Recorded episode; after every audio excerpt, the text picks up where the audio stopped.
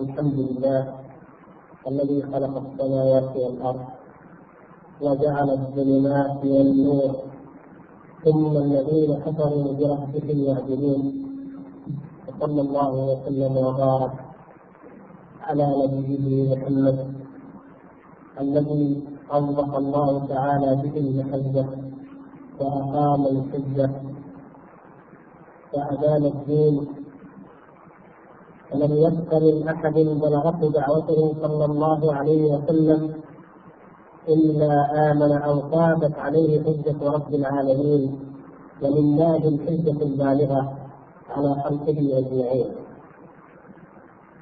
أما بعد أيها الأخوة الكرام فإن موضوع القدر موضوع عظيم والإيمان به ركن من أركان الإيمان كما تعلمون. ونحن في عصر كثرت فيه الشبهات والتساؤلات عن القدر وهي قديمة في الحقيقة الإشكالات حول القدر قديمة ولكن في هذا الزمان اجتمعت شبهات الماضين مع شبهات المعاصرين وما استجد عند الناس مما تلقيه شياطين الإنس والجن فأصبح الناس في حاجة إلى تجزية هذه القضية كما هو الشأن في بقية أركان الإيمان وقضايا العقيدة.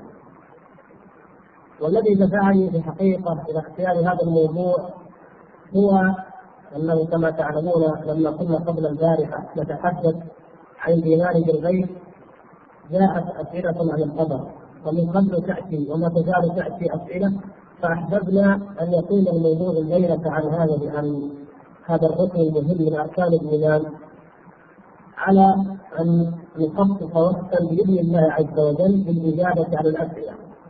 بمعنى أنه في إمكانكم أن تبدأوا من الآن في الكتابة في رسالة الأسئلة فإن استطعنا قبل الأذان وإلا نخلي ونعود إن شاء الله تعالى لنجيب من لديه من الاخوان اشكال حول هذا الموضوع لأنه موضوع دقيق وشائك ونحاول جميعا بما يعينه الله تبارك وتعالى ويفتح علينا به أن نأتي على ما نستطيع أن نأتي عليه من الشبهات في هذا الموضوع بإذن الله تبارك وتعالى.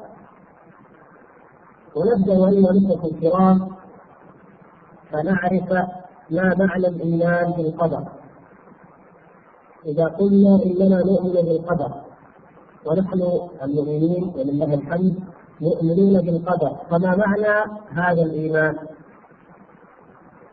هذا الإيمان كما جاء في كتاب الله عز وجل وفي سنة رسوله صلى الله عليه وسلم هو مقسم على أربعة درجات.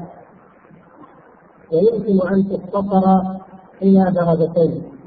معنى كوننا نؤمن بالقدر أو الإيمان بالقدر أربع درجات ويمكن أن نختصرها إلى كم؟ إلى درجتين ما هي درجات الإيمان بالقدر؟ أي ما هي مراتب القدر عامة؟ أول مرتبة من مراتب القدر أي أول ما يجب علينا أن نؤمن به فيما يتعلق بالقدر أن نعلم وأن نوقن وأن نؤمن بأن الله سبحانه وتعالى عليم بكل شيء عليم بما كان وعليم بما سيكون وعليم بما لم يكن لو كان كيف يكون. يعلم السر واخفى يعلم الجهر من القول ويعلم ما تكتمون. يعلم سبحانه وتعالى كل حادثة في هذا الوجود. كل قطرة من المطر تنزل يعلم متى تنزل وأين تنزل كل لحظة عين كل قائلة أعين كل همسة كل خاطرة تخطر على بال أي مخلوق الله سبحانه وتعالى يعلمها وعلمه بها قبل أن يوجد هذا الكون وقبل أن يوجد هذا الإنسان فعلمه لم يزل ازلا ولا يزال ابدا لا تخفى عليه خافية. يستوي في علمه عز وجل السر والعلن بالنسبة لنا نحن المخلوقين. ولا يخفى على أحد منكم الأدلة من كتاب الله وسنة رسوله صلى الله عليه وسلم على هذه القضية أي قضية العلم مرتبة العلم نؤمن بأنه سبحانه وتعالى عليم.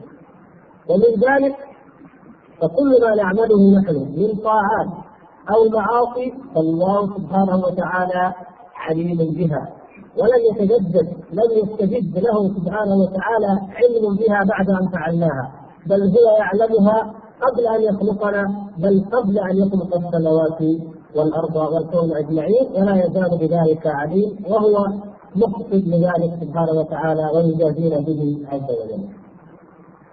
وكذلك المصائب التي تقع وما يحدث في الكون من خير أو شر الله سبحانه وتعالى به عليم.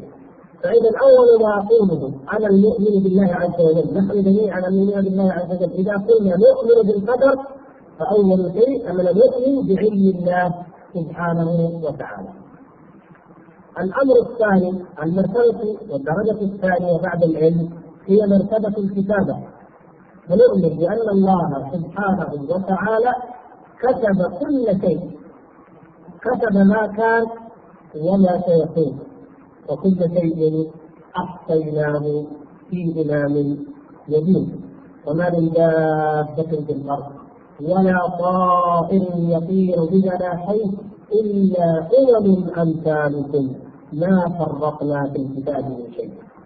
وهذا الكتاب هو اللوح المحفوظ. ام الكتاب كتبه الله تبارك وتعالى عنده أول ما خلق القلم.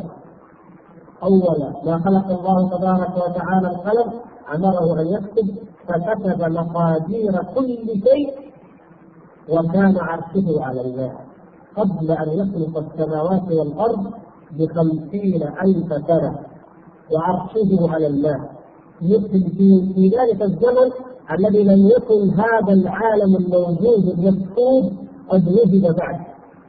بل كان الله سبحانه وتعالى ولم يكن قبله شيء ولم يكن غيره شيء ولم يكن معه شيء. فهذه الروايات كان الله سبحانه وتعالى وخلق أول ما خلق عز وجل من العالم الذي نحن نعرفه وبلغنا الخبر عنه العرش والماء ثم سبحانه وتعالى خلق بعد ذلك القلم. وأول ما خلق القلم أمره أن يكتب. فكتب ما هو كائن إلى أن تقوم الساعة. هذا متى في أي زمن؟ هذا قبل أن يخلق السماوات والأرض بخمسين ألف سنة. سبحانه وتعالى. فإذا الأمر قد فرغ وقد قضي منه وقد كتب إن كان خيرا وإن كان شرا. وهذه الكتابة لها تفصيلات ولها أقسام. يعني هذه الدرجة درجة الكتابة. فإن الله سبحانه وتعالى قدر الأقدار هذه المعلومة المكتوبة له سبحانه وتعالى قدرها تقديرات مختلفة بعضها يطابق بعضا فإذا أول ما خلق الله سبحانه وتعالى هذا الكون قبل أن يخلقه بالأحرى كتب ماذا سيكون به هذه الكتابة نستطيع أن نسميها الكتابة الكونية. الكتابة الكون كل الكون وما سيقع فيه مكتوب فلما خلق الله تبارك وتعالى آدم استخرج ذريته. سبحانه وتعالى من كله في عالم الذر وجعل طائفة منهم في الجنة من أهل الجنة وطائفة منهم من أهل النار فكتب للنار أهلا. وكتب للجنة أهلا قبل أن يخلق الخليقة وإنما قد خلق لذلك الوقت من الإنسان الأول وهو آدم عليه السلام. فاستخرج الله سبحانه وتعالى من ظاهره ذريته وجعلهم فريقين فريق في الجنة وفريق في السعير. هذه كتابة إذا تتعلق بالنوع الإنساني نستطيع أن نسميها الكتابة الإنسانية الكتابة النوعية. أي نوع الإنسان النوع الإنساني وضع منه التقي ووضع منه السعيد بحسب علم الله سبحانه وتعالى بما سوف يعملون. ثم هنالك كتابة تتعلق بكل فرد من المخلوقات من خلق الله بني آدم. كل فرد. الكون كله له كتابة. الجنس البشري كله النوع الإنساني له كتابة. كل إنسان له كتابة. أيضا. متى تكون هذه الكتابة؟ هذه الكتابة هي ما أخبر عنه النبي صلى الله عليه وسلم فيما رواه عنه عبد الله بن مسعود رضي الله تعالى عنه وأنس بن مالك في الصحيحين المتفق عليه. يقول عبد الله بن مسعود رضي الله تعالى عنه حدثني رسول الله صلى الله عليه وسلم وهو الصادق المصدوق إن أحدكم ليجمع خلقه في بطن أمه أربعين يوما نطفة ثم يكون علقة مثل ذلك ثم يكون مضغة مثل ذلك ثم يرسل إليه الملك فينفخ فيه الروح فيؤمر بكتب أربع كلمات رزقه وأجله. وعمله وشقي أم سعيد؟ أو سعيد. والله الذي لا إله غيره. إن أحدكم ليعمل بعمل أهل الجنة حتى ما يكون بينه وبينها إلا ذراع فيسبق عليه الكتاب فيعمل بعمل أهل النار فيدخلها. وإن أحدكم ليعمل بعمل أهل النار حتى ما يكون بينه وبينها إلا ذراع فيسبق عليه الكتاب. فيعمل بعمل أهل الجنة. فيدخلها ونحو ذلك ورد أيضا في الصحيح عن أنس رضي الله تعالى عنه. ولعل في هذا الحديث بعض الاشكال نتناوله إن شاء الله إذا تعرضنا للاسئله بإذن الله عز وجل. ولكن المقصود هنا أن هناك كتابه عمريه فرديه تتعلق بكل إنسان. فما من نفس منفوسه ما من نسمة مخلوقة إلا وكتب الله سبحانه وتعالى ماذا سيكون، كتب لها هذه الأربع الكلمات متى؟ أول ما خلق الروح لهذا الإنسان ونفخها في تلك المضغة في تلك العظام في ظلمات ثلاث في بطن في الرحم. كتب الله سبحانه وتعالى له الرزق والأجل والعمل والشقاوة أو السعادة فهذه أيضا نوع من أنواع الكتابة بعد ذلك نجد كتابة حولية كتابة أو تقديرا حوليا. قدرا سنويا في الحول في السنة. في أي ليلة يكون هذا القدر؟ يكون في ليلة القدر. الليلة التي فيها يصرف كل أمر حكيم. فيكتب الله سبحانه وتعالى في تلك الليلة ما هو واقع في عالم الوجود هذا إلى مثلها من الليلة القادمة. يكتبه الله سبحانه وتعالى حتى انه كما ورد في الحديث أن الرجل ليرى في الأسواق ماشيا وهو مكتوب عند الله تعالى إلى الاموال. يعني هذا الإنسان يمشي ويتحرك ويضحك وهو موعده لن يصل إلى ليلة القدر القادمة. فيموت في هذه السنة في الوقت الذي كتبه الله سبحانه وتعالى وهو أعلم بما كان وما ثم بعد التقدير السنوي التقدير اليومي، أخيرا نجد التقدير اليومي. هذا التقدير اليومي هو ما أخبر عنه الله تبارك وتعالى بقوله كل يوم هو في شأن هو سبحانه وتعالى كل يوم يعز ويذل يحيي ويميت يعطي ويمنع يحكم ويضع كما يشاء سبحانه وتعالى فهذه المقادير التي يقدرها سبحانه وتعالى يوميا وينفذها وفق ما اقتضت إرادته ومشيئته ووفق ما سبقت به الكتابة في اللوح من قبل. فهذه الدرجة الأولى من درجات القدر التي نستطيع كما قلنا نستطيع أن نجعلها درجتين. إذا قلنا العلم درجة والكتابة درجة ونستطيع أن نجعلهما درجه واحدة فنقول درجة العلم والكتابه أو مرتبه العلم والكتابه فما علمه عز وجل كتبه أيضا في ذلك اللوح المحفوظ في البنيان النجوم. المرتبة الثالثة في مراتب القدر هي مرتبة المشيئه والإرادة. أن نؤمن بأن الله سبحانه وتعالى له مشيئة وله إرادة. وأنه سبحانه وتعالى يفعل ما يشاء ويحكم ما يشاء ويخلق ما يشاء ويقدر ما يشاء كما يشاء لا راد لأمره ولا معقب لحكمه سبحانه وتعالى. فهو رب العالمين وهو خالقهم وهو الذي يصرفهم ويدبرهم كما يشاء. مشيئة مطلقة. وأما العبد فله مشيئة مقيدة. وما تشاءون إلا أن يشاء الله. فمشيئة العبد وإرادته واختياره هي جزء من قدر الله عز وجل الذي كتبه ليجازيه ويحاسبه عليها. ولكنها لا تكون إلا بعد مشيئة الله سبحانه وتعالى. كما شاء الله كان وما لم يشاء لم يكن. ابدا لا يمكن إلا هذا. كما قال الله سبحانه كما قال النبي صلى الله عليه وسلم في وصيته لابن عباس واعلم أن الأمة لن اجتمعوا على أن ينفعوك لم ينفعوك إلا بشيء قد كتبه الله عليك. ولو اجتمعوا على أن يضروك لم يضروك بشيء إلا بشيء قد كتبه الله عليك.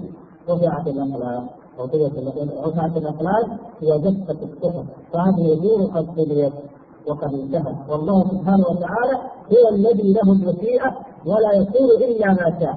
ولو اصبح الثقلان الإنس والجن وبني الإنسان كافة وكل القوى جميعا على أن تعمل شيئا أو توجده أو تنفع به أو تضر لم يشاء الله عز وجل أن يقع. لا يقع ذلك على الإطلاق. وأيضا لو اجتمعوا جميعا على أن يردوا شيئا مما كتبه الله. وقدره وقضاه من خير أو شر لا يستطيعون ذلك ابدا لأنهم مقهورون مربوطون بقدرة الله سبحانه وتعالى وبمشيئته التي لا يحبها شيء ولا يردها شيء. هو سبحانه وتعالى الفعال لما يريد ولا يكون في خلقه إلا ما يريد وما يشاء سبحانه وتعالى. المرتبة الرابعة من مراتب القدر مرتبة الخلق. أي نحن المؤمنين عندما نقول إننا نؤمن بالقدر ونحن نؤمن بالعلم نؤمن بالكتابة نؤمن بالمشيئة ثم بعد ذلك نؤمن بماذا؟ بالخلق. لأن ما في هذه الدنيا هو خلق الله سبحانه وتعالى. حتى أعمالنا نحن بني آدم نعم مخلوقة لله. حتى ما نخلقه اي ما نصنعه حتى ما نصنعه نحن بني آدم. ما نرتبه ما نقويه ما نبنيه ما نهدمه. هل هو مخلوق لله؟ سبحانه وتعالى نقول نعم. هذا مخلوق لله سبحانه وتعالى. كما نطق بذلك طريق القرآن. والله خلقكم وما تعملون. الله خالق كل شيء وهو على كل شيء وكيل.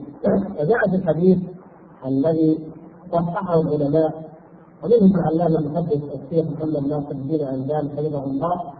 أن النبي صلى الله عليه وسلم قال الله خالق كل صانع وصنعته. فالإنسان إذا مهما عمل إن بنى إن صنع مهما عمل طاعته عمل معصيته فهذه من خلق الله سبحانه وتعالى. كلها مخلوقة له سبحانه وتعالى. ما دور العبد اذا في هذا الموضوع؟ العبد فاعل يفعل بمشيئته وباختياره ما ما يفعل من الأفعال الإرادية والأفعال الاختيارية.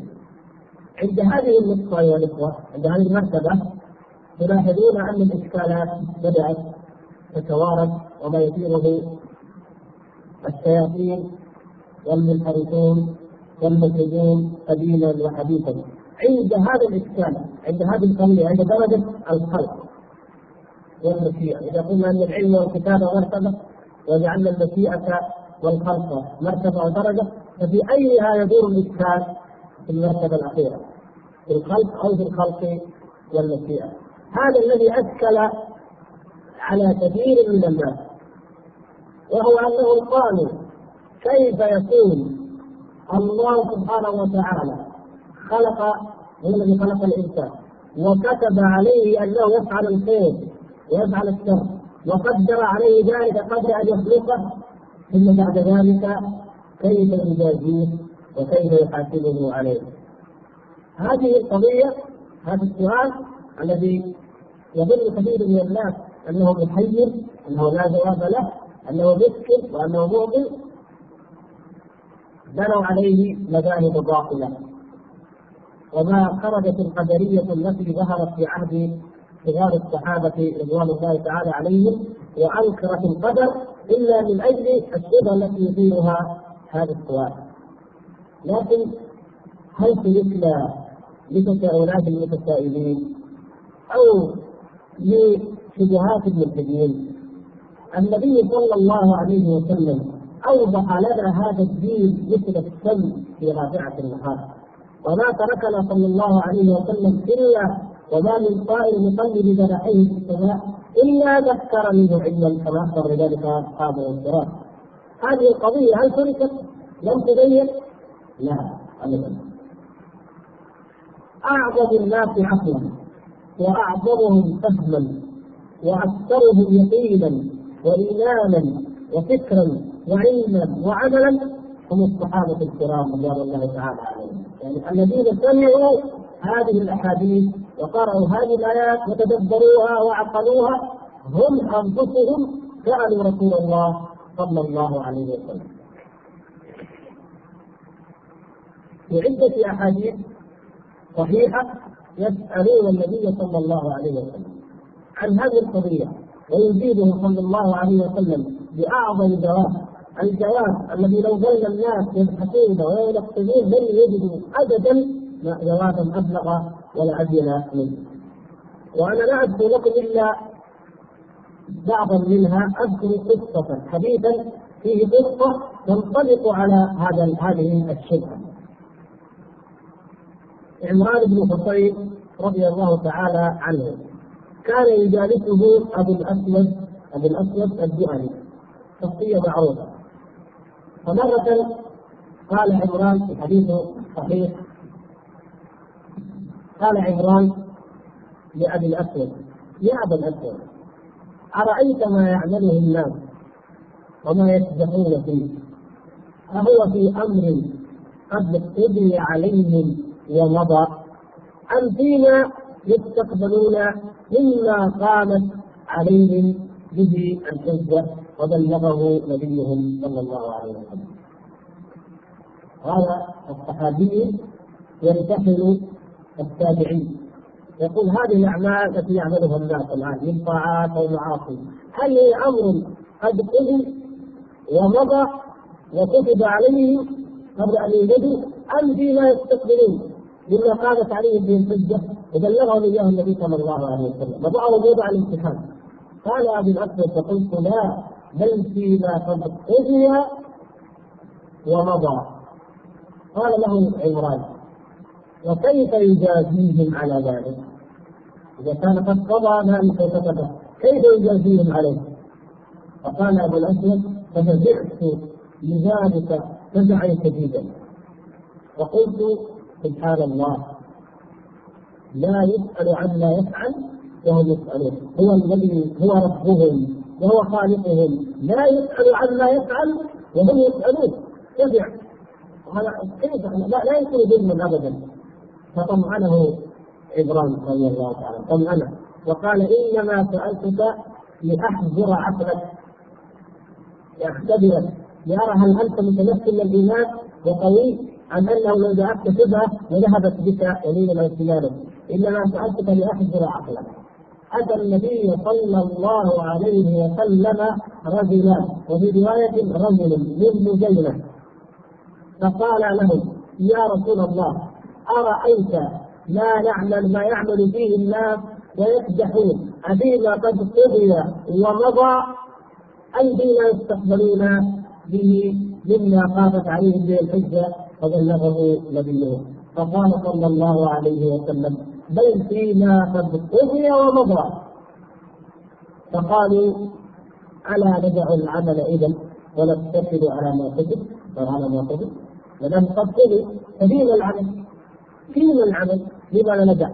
فقال صلى الله عليه وسلم بل اعملوا فكل ميسر لما خلق له فمن كان من أهل السعادة يسر لعمل أهل السعادة ومن كان من أهل الشقاوة يسر لعمل أهل الشقاوة ثم قرأ صلى الله عليه وسلم. ما ذكره الله تعالى في سورة الليل والليل إذا يغشى فأما من أعطى واتقى وصدق بالحسنى فسنيسره لليسرى. وأما من بخل واستغنى وكذب بالحسنى فسنيسره للعسرى. ورد مثل ذلك في الحديث المتفق عليه عن علي بن أبي طالب رضي الله تعالى عنه وعن غيرهم من الصحابة أنهم سألوا النبي صلى الله عليه وسلم هذا السؤال. سألوه يا رسول الله هذه أعمالنا من طاعات ومعاصي مكتوبة؟ مضمون كلامهم هذا هو. مكتوبة؟ قضيت كتبت أم هي أمور نعملها الآن نستعرضها نستقبل بها؟ فقال صلى الله عليه وسلم بل قضيت وكتبت. فيسألونهم إذا ففيما العمل؟ أو يقولون إذا لماذا لم ندع العمل؟ ونستكل على ما كتب فيخبرهم النبي صلى الله عليه وسلم أن من كان من أهل السعادة فهو ميسر لها ومن كان من أهل الشقاوة فهو ميسر لها ويحثهم على العمل يحثهم على العمل.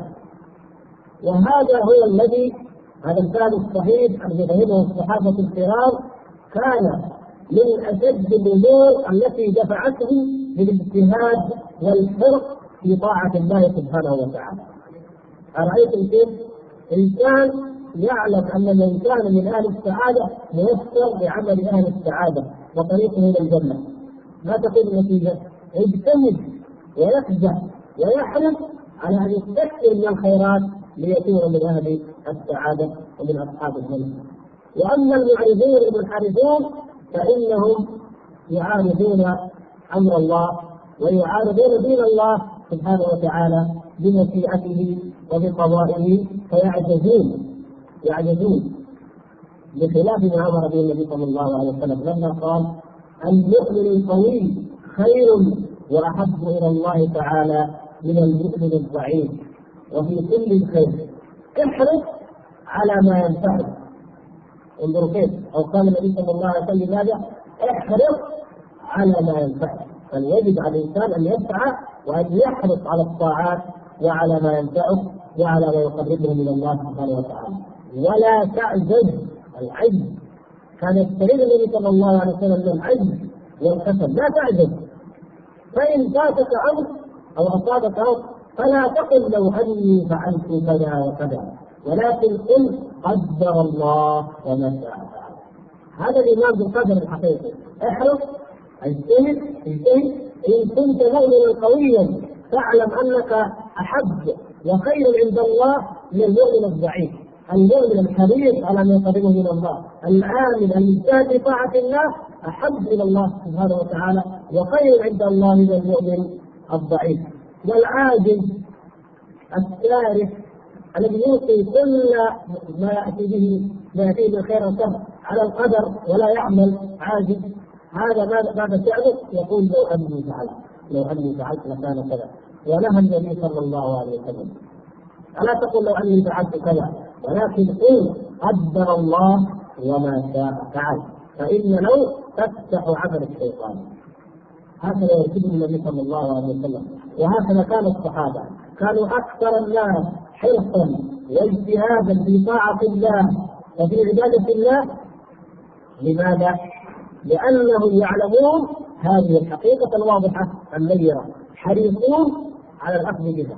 مثال ذلك أيها الإخوان لو علم إنسان من الناس أنه سوف يكون له أولاد كثيرون مثلا لنقول رؤيا صالحة رآها إنسان في حالة حسنة طيبة ورأى رؤيا صالحة أنه سيكون له ذرية كثيرون.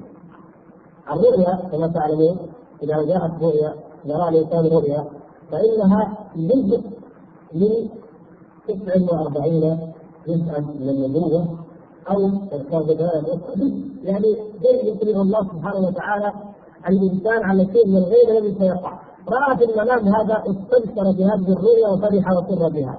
يدفعه ذلك إلى ماذا؟ إلى أن يبادر فيتزوج الزوجة الصالحة وإلى أن لا يتخذ أي مانع مما قد يمنع الحمل بالأسباب المعروفة لتحقق له تلك الذرية. وكذلك لو أنه ذكر من عند الله عز وجل كما في كان يقول النبي صلى الله عليه وسلم فذكره أو الآن يأتي مذكرات كثيرة مثلا هذه لأن الإنسان سوف يكون لديه من هذه المزرعة ثمر كثير ورقم كثير ورزق كثير ما الذي يفعله الإنسان؟ العاقل عادة يجتهد ويحرص أن يكسب أكثر ما يستطيع لتتحقق له تلك البشرى لكن لو قال أنا سيكون لي أولاد هو علم علمه عز وجل وكتابة كتبها ثم شاء ذلك ولا بد أن تقع مشيئته سبحانه وتعالى ثم خلق ذلك فينا فمعنى ذلك أننا نتسابق ونحرص على طاعة الله ونجتهد بالطريق الموصل إلى مرضاة الله وإلى جنه الله سبحانه وتعالى لكي نكون من أهل السعادة. فإن أهل السعادة ييسرون لها كما ان أهل الشقاوه ييسرون لها اجارنا الله وإياكم وعاذنا من الشقاوه وأهلها. القدرية ما الذي أنكره؟ وما حكمهم؟ حتى نعرف الضد بالضد يعرف. القدرية الذين من أجلهم روى عبد الله بن عمر رضي الله تعالى عنه. الحديث عن أبيه عمر بن الخطاب رضي الله تعالى عنه.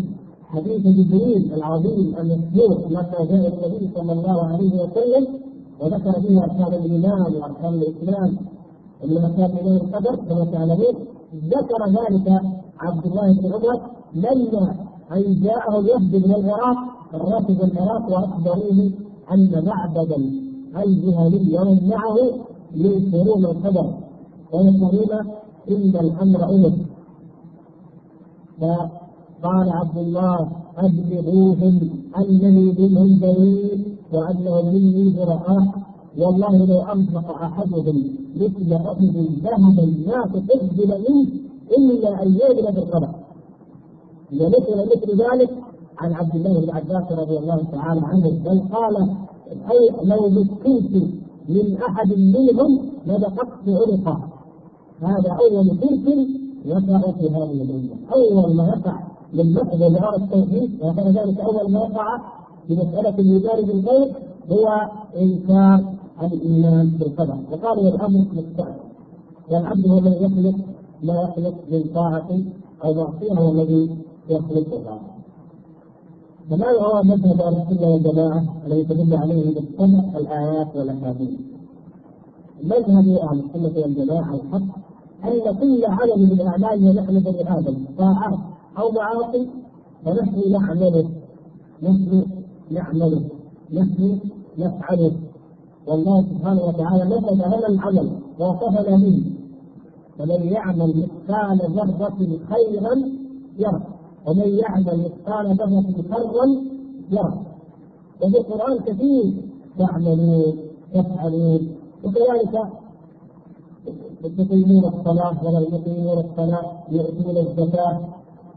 كل الطاعات وكذلك المحرمات مثلا يشركون يزنون وما أشبه ذلك. ورد في القرآن وردت جميع الأفعال. منسوبة إلى من؟ إلى الإنسان. إلى الإنسان فاعل. طيب والله سبحانه وتعالى خالق. الله تعالى خالق. خلق الإنسان وخلق عمله.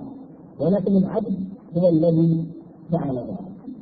القدرية الذين أنكروا القدر قالوا له إن الإنسان هو الخالق الذي يخلق بفعل نفسه. تعالى الله عما يقولون علما كبيرا قالوا لو قيل إن الله هو الخالق فكيف يخلق الفعل في الإنسان ثم يجازيه عنه لاحظتم الصفه هي التي اثبت فيقول لهم أهل السنة والجماعة الله سبحانه وتعالى خلق الفعل ولكن العبد هو الذي فعله. والله سبحانه وتعالى شاء ذلك. نعم شاء الله سبحانه وتعالى أن يعطيه من عشرة وأن يكفر به من كفر وأن يشرك به من عشره ولكن هل رضيه الله سبحانه وتعالى؟ لا. هل كل ما خلقه الله سبحانه وتعالى وكل ما شاء رضي؟ لا. إذا لابد أن نسلط الضوء على هذه القضية حتى نعرف لماذا وقع النفس عند المشركين. ولماذا؟ آه، وقع النفس حتى عند كثير من الناس في مسألة القضاء والقدر. يظن الناس أو الذين لديهم شبهات في هذا الموضوع أن ما شاءه الله عز وجل فقد رضي. كل ما شاءه وكل ما قدره فقد رضي. وهذا لا يصح لا على مقتضى القرآن ولا السنة مذهب أهل السنة والجماعة. لماذا؟ لأن الله سبحانه وتعالى شاء الايمان وشاء الكفر. شاء الطاعة وشاء المعصية. هذه مشيئه كونية. وإرادة كونية أراد الله سبحانه وتعالى بمقتضى الحكمة العظيمة الجليلة أن يقول بالناس مؤمن وكافر. هو الذي خلقكم. فمنكم مؤمن ومنكم كافر. ولو شاء الله لجعل الناس أمة واحدة. ولكن حكمته عز وجل اختار أن يجعلهم فريقين. هذه مشيئته الكونية وإرادته الكونية. ولكن رضاه لا يتعلق بهذه المشيئة رضاه عز وجل يتعلق بمشيئته الشرعية بإرادته الشرعية. أرسل الله سبحانه وتعالى الرسل وأنزل الكتب لتبين للناس ماذا يرضي الله ماذا يحبه الله عز وجل وما الذي يبغضه الله وما الذي يسقط الله وما الذي لا يريده الله عز وجل. ولهذا لو سألك أحد واحد ما صلى؟ أو كذب كذب زنى سرق فقال لك واحد من الناس هل أراد الله عز وجل أن يفعل الرجل هذا الفعل؟ إن قلت نعم أراد الله. هكذا الإطلاق إن قلت لا لم يرد الله. أخطأت كيف هذا؟ لابد أن يفصل. ماذا تريد بأراد؟ إن كنت تقصد بأراد أي أن الله شاء ذلك وعلمه وكتبه وقدره عليه. نعم. الله تعالى حتى لو كان شرا أو كفرا أو كبيرا أو معصية الله هو الذي شاء. فلا يقع شيء في الكون إلا من الشاء وإلا يريد الله. وإن كنت تريد بقولك هل أراد الله هذا؟ من هذا أن يجلد أو أن يسرق أن الله تعالى يرضى بذلك ويحبه. فلا. لاحظت كيف التفسير لا الله سبحانه وتعالى لم يرد أن يبني الزاني ولم يرد أن يسرق السارق أي لم يحب ذلك الله سبحانه وتعالى لم يحبه ولم يشرعه ولم يأمر به لم يوجده في الكتاب ولم يرسل به رسولا. اذا الإرادة عندنا هنا لها معنيان إن أردنا بها الإرادة الكونية التي هي مطلق المشيئة بسبب المشيئة فنعم الطاعة والمعصية كلها إرادة لله أرادها وقعت لكن إن أردنا بالإرادة أي محبة فلا فلا يريد الله أي لا يحب الله إلا ما شرع إلا ما أرسل به الرسل وأنزل به الكتب ولهذا احتج المشركون بالمشيئة واعترضوا بالمشيئة وأبطل الله تبارك وتعالى حجته في أربعة مواضع من كتاب الله. في سورة الأنعام فيقول الذين أشركوا لو شاء الله ما أشركنا ولا وأكد ذلك هذا وقع في سورة النصر وقال الذين أشركوا لو شاء الله ما عبدنا من دونه من شيء نسمي ولا أبائنا ولا حرمنا من دونه من شيء. هنا هذه هذه مدعيه احتج المشركون بالمشيئة. يعني المسلمين كلامه لو أن الله تعالى شاء لا أشركنا لو شاء الله لا أشركنا كما في هذه النصرة الثالث قالوا لو شاء الرحمن لا عبدناه آه ما معنى ذلك؟ يعني يقولون الرحمن عز وجل الله عز وجل شاء لنا أن نعبد هذه الاصنام يعني هو راضي عنها. لو شاء الله ما عبدناها إذا هو راضي عنها. قالوا هذا في أي مكان تبع قالوا في أي مكان في أي موضع؟ في موضع رد الرسالة في موضع تكذيب الرسول صلى الله عليه وسلم. ماذا تريد منا يا محمد؟ نترك عبادة الأصنام؟ لا لو شاء الله ما عبدناها لو شاء الله ما اشركنا هذا هو وقالوا ذلك في الموضع الرابع في موضع الأمر بالإحسان أليس حدود من لو يشاء الله اطعمه لو شاء الله اطعمهم كيف أنا اطعمهم؟ آه. إذا هم يريدون إيش؟ يريد أن لا يؤمن لأن الله شاء الكفر طيب ويريد أن لا يحسن لأن الله هو الذي يشاء الاطعام لم يفهم هذا جيدا المقام هنا مقام الاعتراض والتكليف والرد لرسالة الرسل. ولهذا عقب الله تبارك وتعالى على قوله هذا في سورة النحل قال ولقد بعثنا في كل أمة رسولا أن اعبدوا الله واجتنبوا الطاغوت. فمنهم من هدى الله أي فضلا. ومنهم من حقت عليه الضلالة أي عدلا منه سبحانه وتعالى إذا الأمر لو كان ذلك فلا تقولوا لماذا ارسل الرسل وانزل الكتب تقول لكم هذا يريده الله أن يحبه ويرضاه وهذا يكرهه؟ اذا لا يجوز لكم ذلك. فالمشركون أيضا لم يكونوا يثبتون القضاء والقدر بل جاءوا للنبي صلى الله عليه وسلم. كان الحديث الصحيح في صحيح مسلم جاءوا اليه يجادلونه في القدر فأنزل الله تبارك وتعالى عليهم أنا كل شيء خلقناه بقدر. لا يؤمنون بالقدر لكن لماذا قالوا؟ نحن نؤمن بمشيئة الله لو شاء الله. قالوا هذه معترضين بها على الشرع يريدون أن تكون لهم حجة في ترك الأمر وفي ترك النهي ولهذا قال عز وجل عنهم قل في الانعام قل فلله الحجه البالغة. ولو شاء لهداكم اجمعين سبحان الله يكذبهم بقول لو شاء الله ما أشركنا بما يقول لو شاء لهداكم اجمعين الذي قليل البصير هذا؟ يعني بعض الكلام يعني عياذا بالله يتناقض مع بعض. لا ابدا.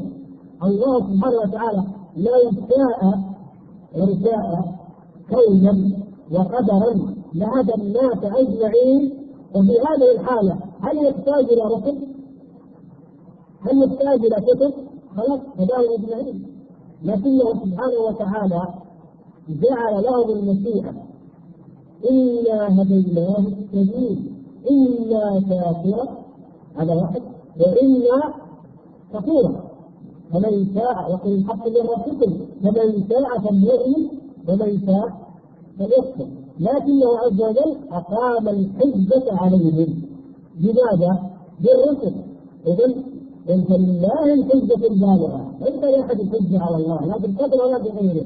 انت لله الحجة البالغة. فلو شاء لهداكم أجمعين. فإذا هذا النوع الأول من انواع الاعتراض القدرية التي تسمى تسمى القدرية الشركيه أو القدرية المشركية. المشركين اعترضوا بمشيئة الله احتجوا بمشيئة الله على رد أوامره ونواهيه ورد دينه وشرعه وتكذيب أنبيائه سبحانه وتعالى. والنوع الثاني هو واقع في الناس الليل القدرية الإبليسية القدرية الإبليسية نسبة إلى من؟ إلى إبليس ما الذي قال إبليس؟ قال رب بما أغويتني لأزينن فبما أغويتني لا ذللنهم لو إذا كما ورد في الآيات كثيرة ويذللنهم ويذللنهم لكن بهاتين الآيتين فبما أغويتني أو قال ربي بما أغويتني. يعني ما معنى ذلك؟ إبليس ابى أن يسلم واستكبر وكان من الكافرين فكتب الله سبحانه وتعالى عليه اللعنة إلى يوم الدين. وأخرجه وأخرجه من رحمته وعندئذ اتخذ هذا الموقف. إبليس اتخذ هذا الموقف من من آدم بالريح العداوة والإغواء والاضلال والإغراء إلى أن تقوم الساعة قال يريد أن يحتج إبليس على فعل هذا. ما قال؟ فبعصياني بكفري بالحاد باستكباري فاجيهم قال فبما أغويتني. لاغوينهم عزيز يعني عزيز. يقول ما دام انك رويتني فسوف استمر في اغواء بني هذا نوع من الله واقع في حياة الناس اليوم القدرية بالجنسيه ماذا يقولون؟ يقول يقول يصلي يا أخي ما أراد الله ما كتب الله ان يصلي طيب بعدين؟ فيستمر بعدم الصلاة.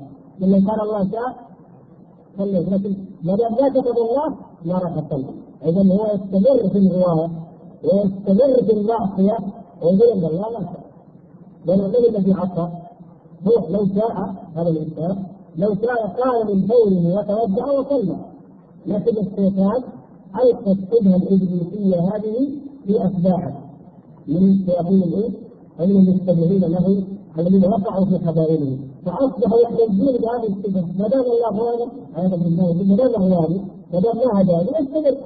فهذا هذه ابليس ما دمت قد اغويتني فسوف استمر في الاغواء الناس إذا لاحظتم الشبهه المشركيه أو الشبهه الشركيه والشبهه المشركيه كيف انها واقعه في الناس اليوم؟ وكذلك القدرية المجوسيه الشبهه المجوسيه في القدر هي شبهه الذين قالوا كيف يخلق الله عز وجل الخلق؟ كيف يخلق الأفعال في الانسان ثم يحاسبه؟ ثم يجازيه عليها؟ لا إذا ليسوا لا سبق ونقول الأمر عرف الانسان ولم يخلق فعل نفسه. وهذه تبرع الله سبحانه وتعالى فيها بقوله الله خالق كل شيء والله خلقكم وما تعملون فالله سبحانه وتعالى هو الذي خلقهم ولهذا لما السلف الصالح ارادوا أن يناظروهم ويعرفوا حكم هؤلاء القدرية من النوع المجوس القدرية المجوسيه لكن المجوسيه يثبتون خالقين خالق الإله النور خالق الخير. وإله الظلم خالق للشر. هؤلاء قالوا الطاعات من فعل من خلق العبد. وأن الطاعات من خلق الله. وأن المعاصي أفعال العبد المعاصي هي من خلق العبد. حتى لا ننسبها إلى الله سبحانه وتعالى. ماذا قال فيهم السلف ومنهم الإمام أحمد رحمه الله؟ انظروا علم الصحابة يا إخوان وعلم السلف علم كلمات قليلة تحتها علم كثير كبير كيف نظروهم؟ كيف جادلوهم؟ بكتابة أربع مجلدات خمس مجلدات فلسفات طويلة في القدم لا على نفس منهج النبي صلى الله عليه وسلم جواب كاف كاف في أوجه الكلمات قال الإمام مسلم رحمه الله وغيره من السلف ناظر القدرية ناظر القدرية بالعلم. بالعلم. فإذا قروا به مسلموا وإن أنكروه كفروا. يعني ناظرون بالعلم. ما معنى خليكم متعلمين عندكم علم عشان ناظرين بالعلم اللي هو المرتبه الاولى المرتبه من عام المرتبه الاولى يعني واحد يقول لك الله قدر علي هذا الفعل؟ اني ما اصلي أو اني أجري أيوه إذا ما دام قدر علي خلاص إذا أنا هذا الله قدر ما موجود هذا الموضوع الموضوع هذا ممكن يواجهوا فيه لكن حتى نرتاح في النقاش معه نبدا باول شيء تعال ماذا تقول في العلم؟ علم الله عز وجل انك تفعل هذا ولا لا. فاذا قر به تستطيع تقطعه. تقول طيب علم نعم كتبه أيوه نعم كتبه لأن إذا قال علم إيش المعنى؟ علم كتبه إيش الفرق؟ طيب علم وكتبه شاء لك أيوه إيش المعنى؟ علمه كتبه شاء طيب خلقه ما يقول لك لا اذا لا خلاص أنت الآن ملزم أنت مفصول أنت مسجون لأنه علمه وكتبه وشاءه وخلقه إيش المعنى؟ ليش تسوي ثلاث مراتب تجي عند الرابعه تتردد؟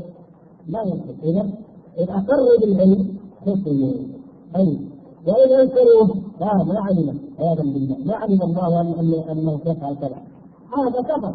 اذا انكروه كفروا ولا يحتاج زياده معاه في الفروع كون الله عز وجل يعلم كل شيء. هذه حقيقة بديهيه يعلمها جميع المؤمنين. بل حتى العلم الكافرة يعلمون أن الله يعلم كل شيء، كل من يقر بوجود الله يعلم انه يعلم بكل شيء، واحد يقول لك لا لا يعلم الله بكل شيء، لا يعلم بأفعاله، هذا كيف؟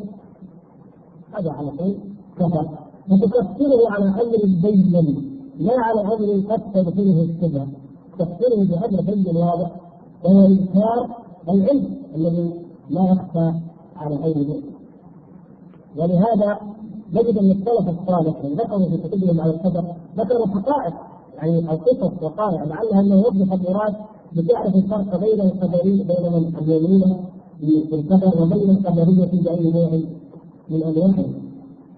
ذكروا أن رجلا جاء إلى عمرو بن عبيد. عمرو بن عبيد هذا زعيم القدرية المعتزلة الأولين وهو الذي أظهر مكانة معبد الجهني لأنه كما تعلمون أول من أظهر القدر معبد الجهني في البصرة وهو الإمام الدمشقي الذي كان بالمدينة وانتقل إلى دمشق تلقف عمرو بن عبيد. وعمرو بن عبيد كان من النوع الذي يؤمن بأن الله سبحانه وتعالى لم يرد السهل ما عنده إرادة إلا إرادة واحدة. لو بما قلنا الإرادة إن كانت بمعنى المشيئة المطلقة لا حكم وإن كانت بمعنى المحبة لا حكم لا عنده إرادة واحدة. وكان عباد الزهاد جدا. فجاءه أعرابي بدوي لا يدري شيء من قال قال دلوني على رجل صالح. يريد رجل صالح ما لك يا أعرابي؟ قال ضاعت ناقتي هربت ناقة الأعراب البدوي وذلك يريد رجل صالح يدعو الله له. فدلوه على عدد بن عبيد هذا رجل زاهد وعادل تدعو الله له. فقال له ما لك قال يا عمرو إن ناقتي قد سرقت أو قد ضاعت فقدت ولا أدري من الذي أخذها.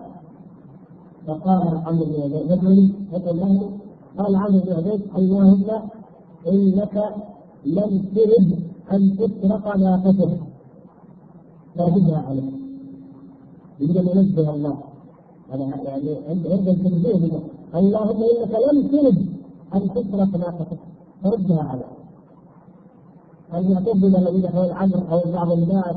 لا لم يحصل. لا في الأعراب بمسائل الاعراب بفترته رأسا قال لا حاجة لي في دعائك إذا أنا؟ قال ما دام أنه قد أراد أن لا تسرق فسرقت أخشى أن يريد أن ترجع فلا ترجع نفس الشيء. الإرادة عند عمل المعبود إرادة واحدة بس فقال ما في فائدة؟ يعني ما أراد أن تسرق سرقت طيب يريد أن ترجع ما ترجع لا ولهذا يقال إن الذي قدريا أيضا من الخلاف الكبيره وأخذ هذا يعني تجاهل في القدر القائم قال القدري قال الذي هل الشيطان لما فعل وعصى هل هو هل فعل ذلك بقدر من الله؟ قال القدري لا قال اذا غلبه عياذا بالله هل يقتضي ذلك؟ فقال له إذا لما لا تسلم؟ قال لا أنا مع اقواهما قال يزيد أنا مع اقواهما يعني على كلامك انت ما أراد الله أن تذكر وكفر خلينا مع البيت. إذا نبدا كيف إخوان يثبت هذا هذه الشبهات يثبت طعنا في الدين وسنة في الدين فيثبت بذلك إلى القول إلى الطرف الآخر. يثبت هذا الكلام. إن كان القدر يثبت إلى الطرف الآخر. اي من الطرفين يثبت إلى الآخر. نسبه الجهل ما هو الطرف الآخر؟ أن يقال إن الله عز وجل هو فاعل كل شيء. كما قال كذلك الجهمية ومن التفاهم الكسب عند الأشعرية والكسب أصلا كان عند النظام عند المعتزلة مما أخذه منهم الأشعرية ومن بعدهم يقولون لا يعني عندنا المعتزلة هي الشيعة قدريه ينكرون القدر. وعندنا الجهمية والأشعرية الماتريديه هؤلاء جبرية. كيف يقولون الله هو الفاعل. الله لا يقول الله هو الخالق يقول الله عز وجل عز وجل هو الفاعل. وتبيعهم على ذلك هناك الصوفيه يقولون أي فعل يقع يجب عليك أن تعتقد أن الله هو الفاعل. تعالى الله عن ذلك عليه الناس يفعلون الزنا يفعلون شرب الخمر يفعلون محرمات كثيرة. نقول إن الله هو الفاعل؟ لا ولكن الله شاء ذلك نعم. أراده كونا نعم لكنه لم يحبه ولا يحبه شرعا خلقه فيه؟ نعم لكن هو ليس هو الفاعل له وإنما الله خالق والعبد هو الفاعل. الشبهة الأخيرة. يوجد أن الوقت ضيق إذا لما نقول كيف يجازيهم الله سبحانه وتعالى؟ نقول هل يجازي الله سبحانه وتعالى العباد على ما يعلم؟ على مجرد ما يعلم هل يبعثه يوم القيامة فيقول أنا أعلم أنك ستفعل المعاصي فاجازيك عليها أو أعلم أنك تفعل الطاعات فاجيبك عليها. هل يجازيهم على ما فعلوا؟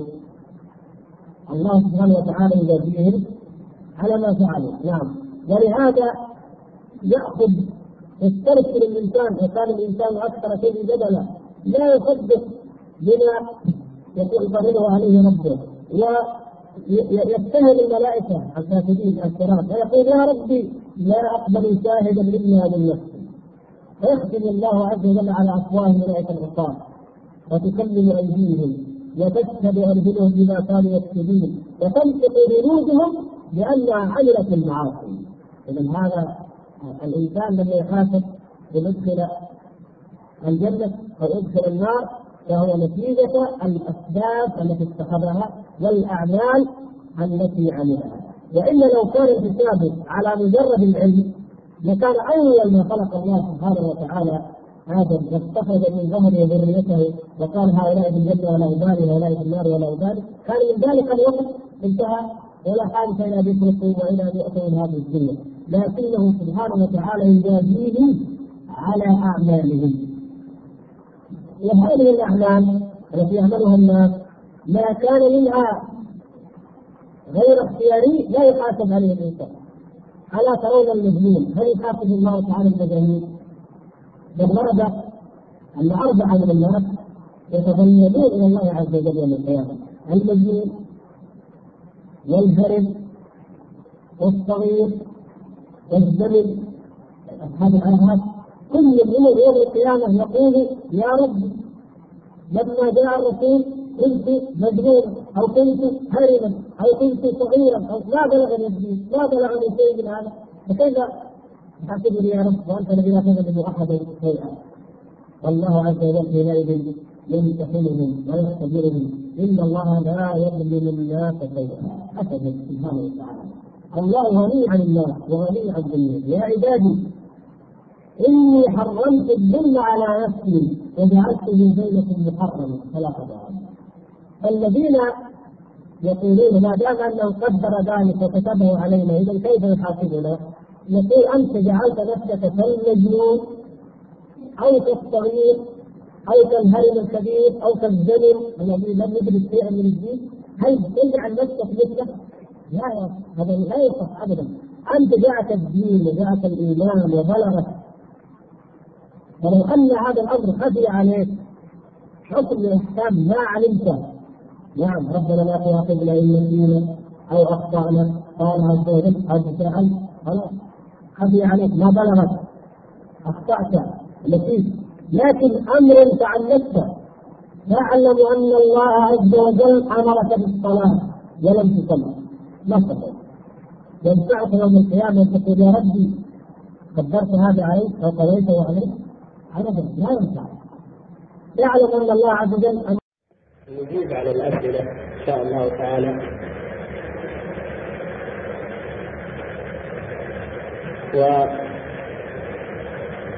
ونبدأ بالمفرط أو الأكثر منه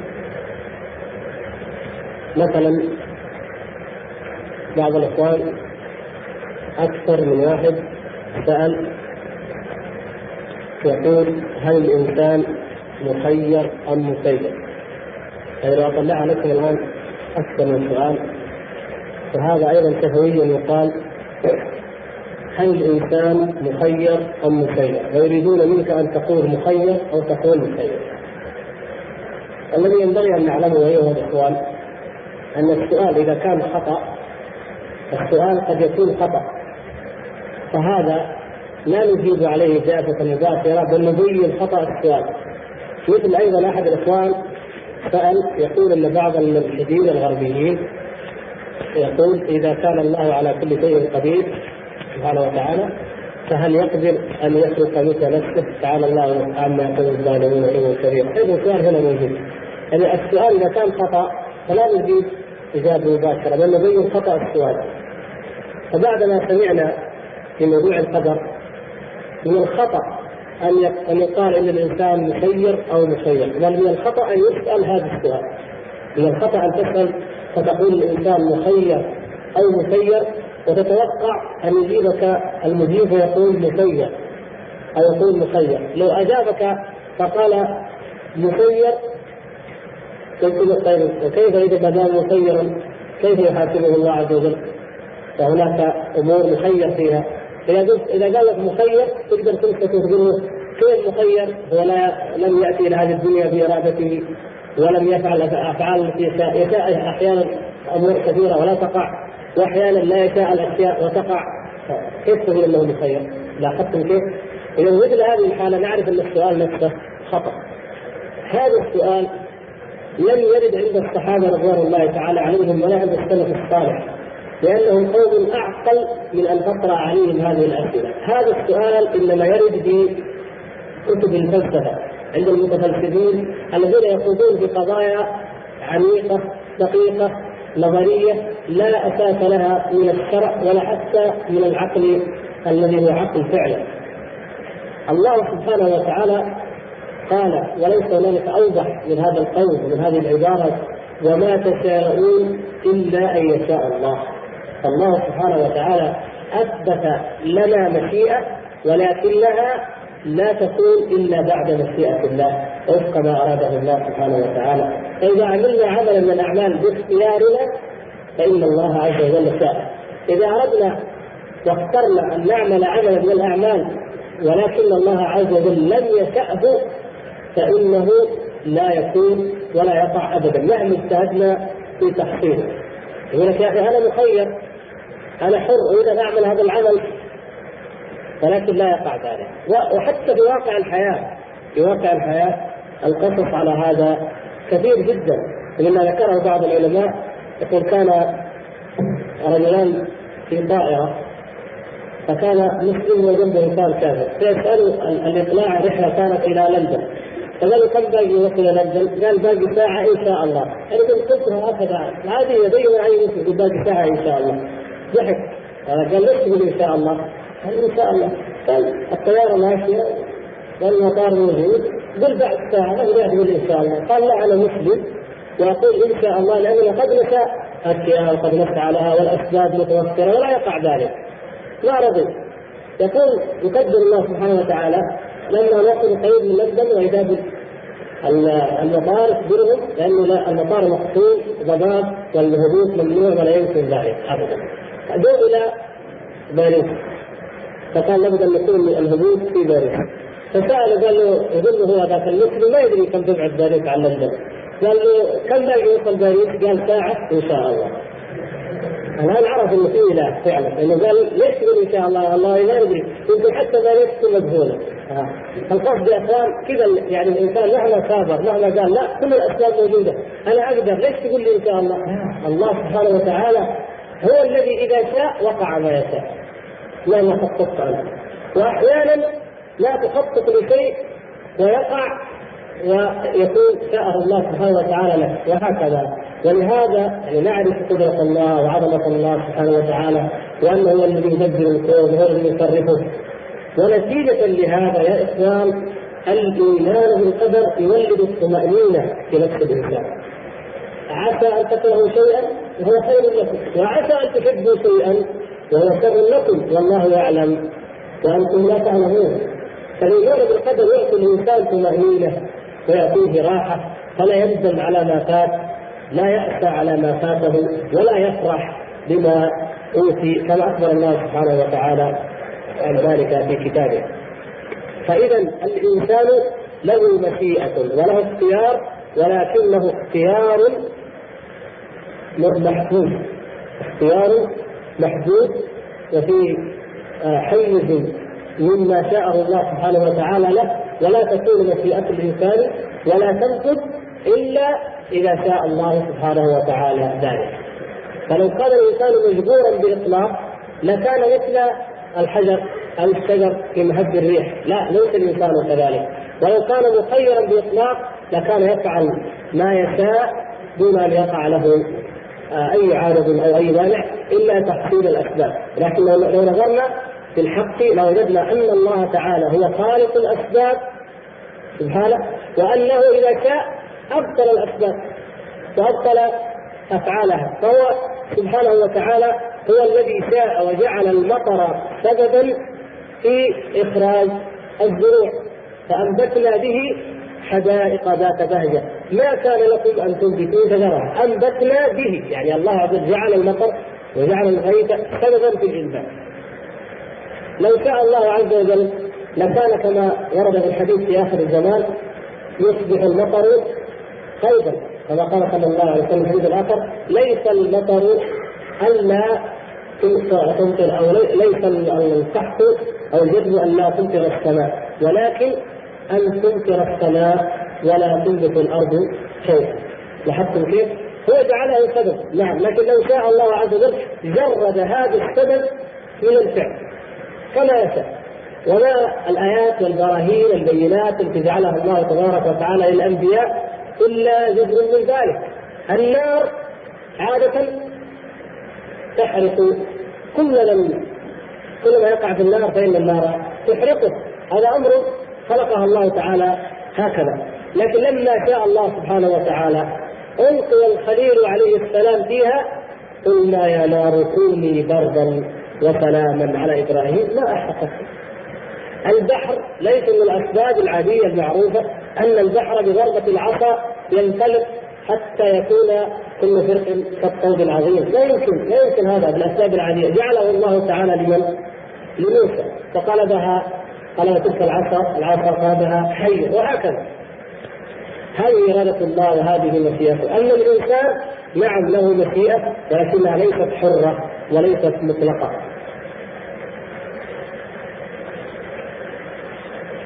أكثر أيضا من واحد من السؤال سألوا عن حديث تحج آدم موسى تحج آدم موسى.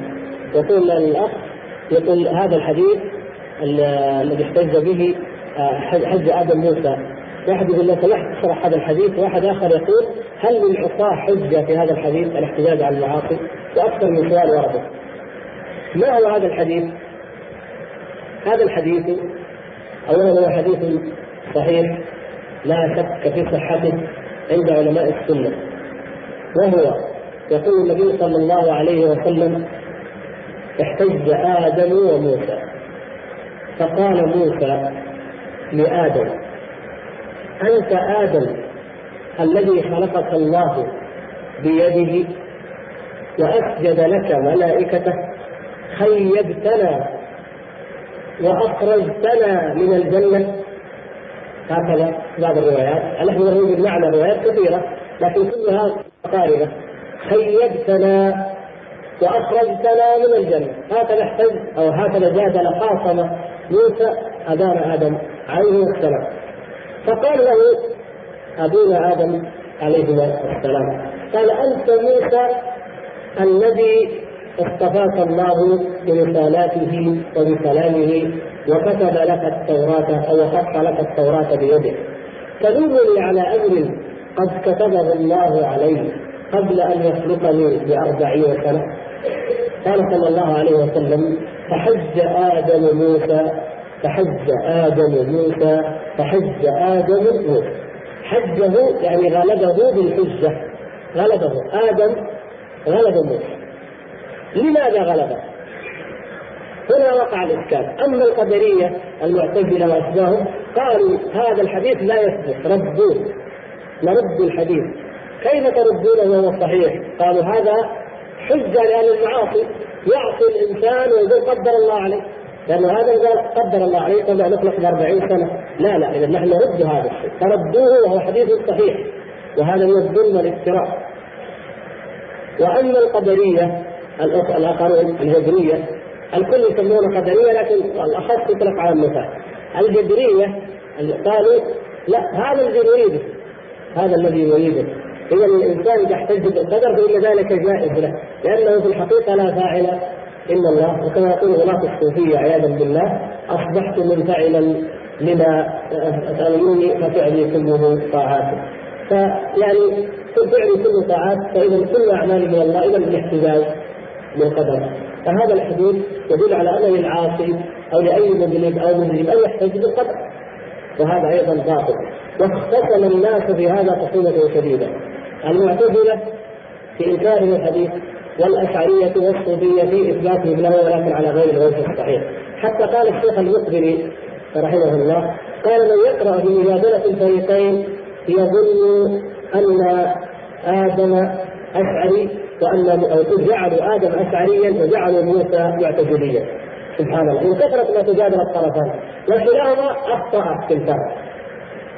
ما هو الفهم الصحيح للحديث؟ الفهم الصحيح للحديث كما فهمه الصحابة الكرام ولم يكن عندهم أي اعتراض وهم افقه الناس واعلموا بافكار أن موسى عليه السلام لم يعتب لم يلم آدم على الذنب.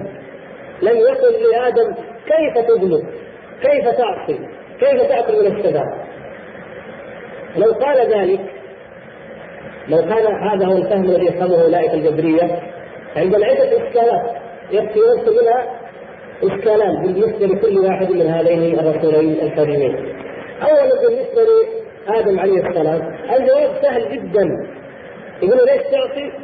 قال الله سبحانه وتعالى غفر لي ذنبي ولست بربي الذي تحاسبني انتهينا يعني من الذي يلوم احدا على ذنب قد فعله وعندك علم من الله أنه غفره معقول هذا؟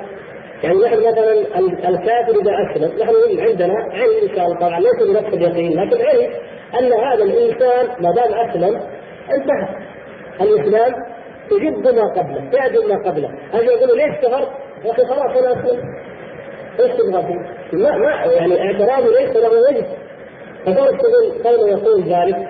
الجواب إذا سهل عنده بالنسبة لآدم سهل ان يجيب فيقول إن الله غفر لي ذنب ولست أنت بربي وأيضا موسى عليه السلام أعلم بالله وأعلم بآدم وأعلم بالحق من أن يلوم أباه آدم على ذنب يعلم أن الله قد غفره له.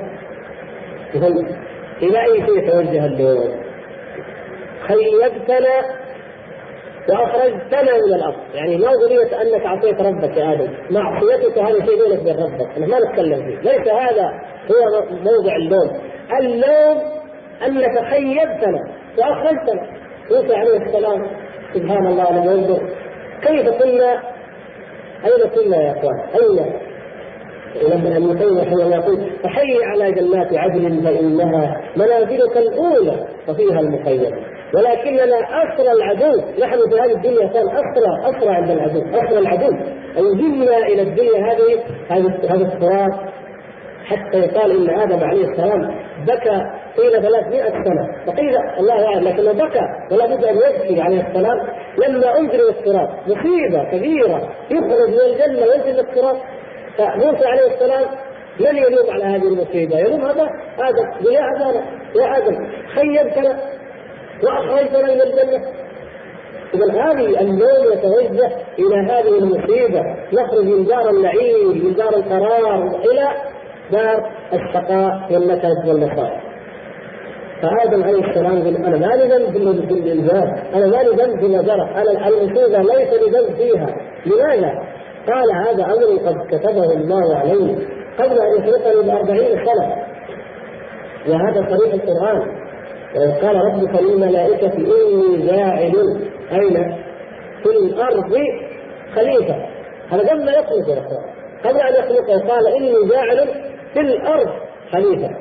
قالوا اتجعل فيها من يفسد فيها ويسفك الدماء. إلى اخره اذا هو الله عز وجل قدر قبل أن يخلق آدم في الفترة التي لم يكن فيها شيئا مذكورا هل أتى على الإنسان حين من الدهر؟ لم يكن شيئا مذكورا أربعون سنة. هذه الأربعين سنة ما بين أن لما أراد الله عز وجل أن يخلقه وهو خمسان كالفحصاء إلى أن نفخ فيه الروح. هذه الفترة لما أن خلقه سبحانه وتعالى وأراد أول أمر أن يخلقه قال إني جاعل أي في الأرض. إذا المسألة يقول آدم عليه السلام يا موسى الإنزال الأرض ما له علاقة به عصيت أو ما عصيت أو فعلت ما فعلت.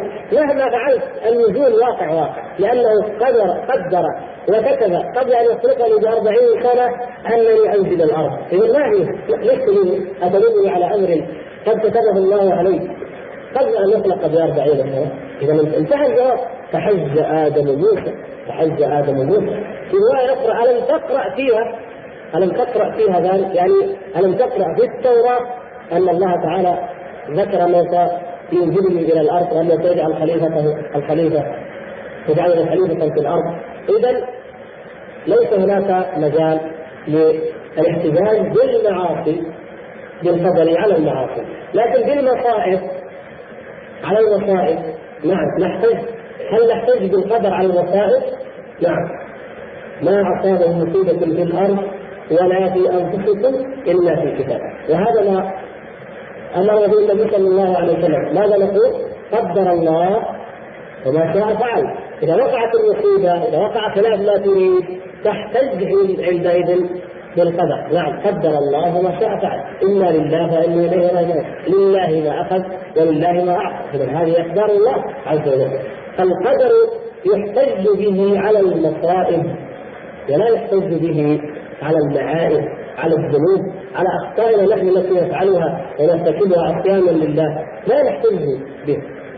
إلا يعني في حالة واحدة حالة أن يكون الاحتجاج بالقدر على المصيبه مجرد إخبار عن أمر قد مضى ووقع وليس معارضة للقضاء والقدر كيف هذا؟ قلنا إن المشركين احتجوا بالقدر على الشرك. لو شاء الله ما أشركوا، لو شاء الله ما عبدنا من دون يشرك، لو شاء الرحمن ما عبدناه، مثل من لو يشاء الله أطعمه، احتجوا. المشركون احتجوا به، في أي مقام كما أكدنا عليكم سابقا يا اخوان؟ في مقام الاعتراض على الرسل. لكن لو أن واحد من الصحابة أسلم تقول له لماذا لم تسلم إلا في السنة السابعة من الهجرة كابي هريرة مثلا إيش يقول؟ قال لو شاء الله لأسلمت قبل ذلك يكون الاحتجاج صحيح ولا لا؟ لو شاء الله اسلم قبل ذلك. هذه مصيبة مثلا. ها يحتج إذا بالقدر على المصيبة؟ أو يحتج به على ما ظهره انه معصيه لكن إذا كان بمنزلة المصيبة. وإذا هذه منزلة المصيبة. أنطعم من لو يشاء الله أطعمه إذا جاء أحد قال لك يا أخي هذا جيرانك مساكين محتاجين مسلمين أطعمهم. فقال أنطعم من لو يشاء الله. يا أخي لو شاء الله أطعمه. هذا لا يجوز. أنت الآن ترد أمر الله وشرع الله بمشيئة الله. لا يجوز هذا. لكن لو قال لك واحد يا أخي يوجد في أمريكا الوسطى ناس فقراء وفلسطين كل يوم يوم الجوع 1000 أو 2000 سبحان الله. إيش رأيك؟ تقول يا أخي لو شاء الله اطعمهم هذه مشيئة الله. كلامك هنا صحيح. نعم لو شاء الله ما ماتوا واحد في إفريقيا ولا في أمريكا ولا في الصين. لو شاء الله ما ماتوا نعم. لا تقول انت دفعا لعدم الإنفاق ولا دفع منعا من الإحسان. وإنما تقول من باب الإخبار المجرد فهو في هذه الحالة يتحول إلى كلام على على مصيبة وليس على المعصية. فاذا هذا هو. حتى ما ورد عن النبي صلى الله عليه وسلم لما ذهب ينقذ ينقذ عائشة وعليا آه، فاطمة عليا وفاطمة قدرهم من الليل فقال إن أنفسنا بيد الله فما تشاء ايقظنا فتولى النبي صلى الله عليه وسلم ويضرب على فخذه فخذه ويقول وكان الإنسان أكثر شيء جبلا هو الحقيقة. هذا ليس من باب إن واحد يقول لك خلاص أنا أرجو زي ما أبغى واذا قدر الله اصحى صحيح واذا ما قدر لا ليس هذا. لو كان هذا احتجاج بالقدر بمشيئه الله بانه هو الذي يحيي وينقذ النفس لترك الطاعة إذا إذا نحن لا نقول كان هذا مذموما لكن هم اوتوا أو أو فطنوا إلى إلى المحاجة إلى المجادلة مثل ما فطن موسى آدم في محاجة موسى يعني إنه هذه المصيبه هذا الواقع اذا وقع يقع من من؟ من الله ولهذا النبي صلى الله عليه وسلم نفسه في غزوة بين المختلط لما نام نام صلى الله عليه وسلم هو وأصحابه لم يوقظهم إلا حر الشمس. قال نفس العبارة إن أرواحنا بيد الله كما تشاء. ايقظها اذا هذا استدلال بقدر الله على المصيبة. أنت تحريت واجتهدت ونمت في الوقت المناسب وأيضا تكون يمكن اضافه المنبه وكل شيء واستيقظت واذا بالناس تصل الفجر تقول أرواحنا بيد الله. نعم. لكن واحد يرقد يقول خلاص ارقد يا شيخ فلا يجاي ولا يستعد ولا يبغى يصلي الفجر جماعة يقول ارواحنا بيد الله فرق كبير بين هذا. هذه معصية وهذه فتلك إيش؟ مصيبة. ففرق بين المعصية وبين المصيبة من حيث الاحتجاج.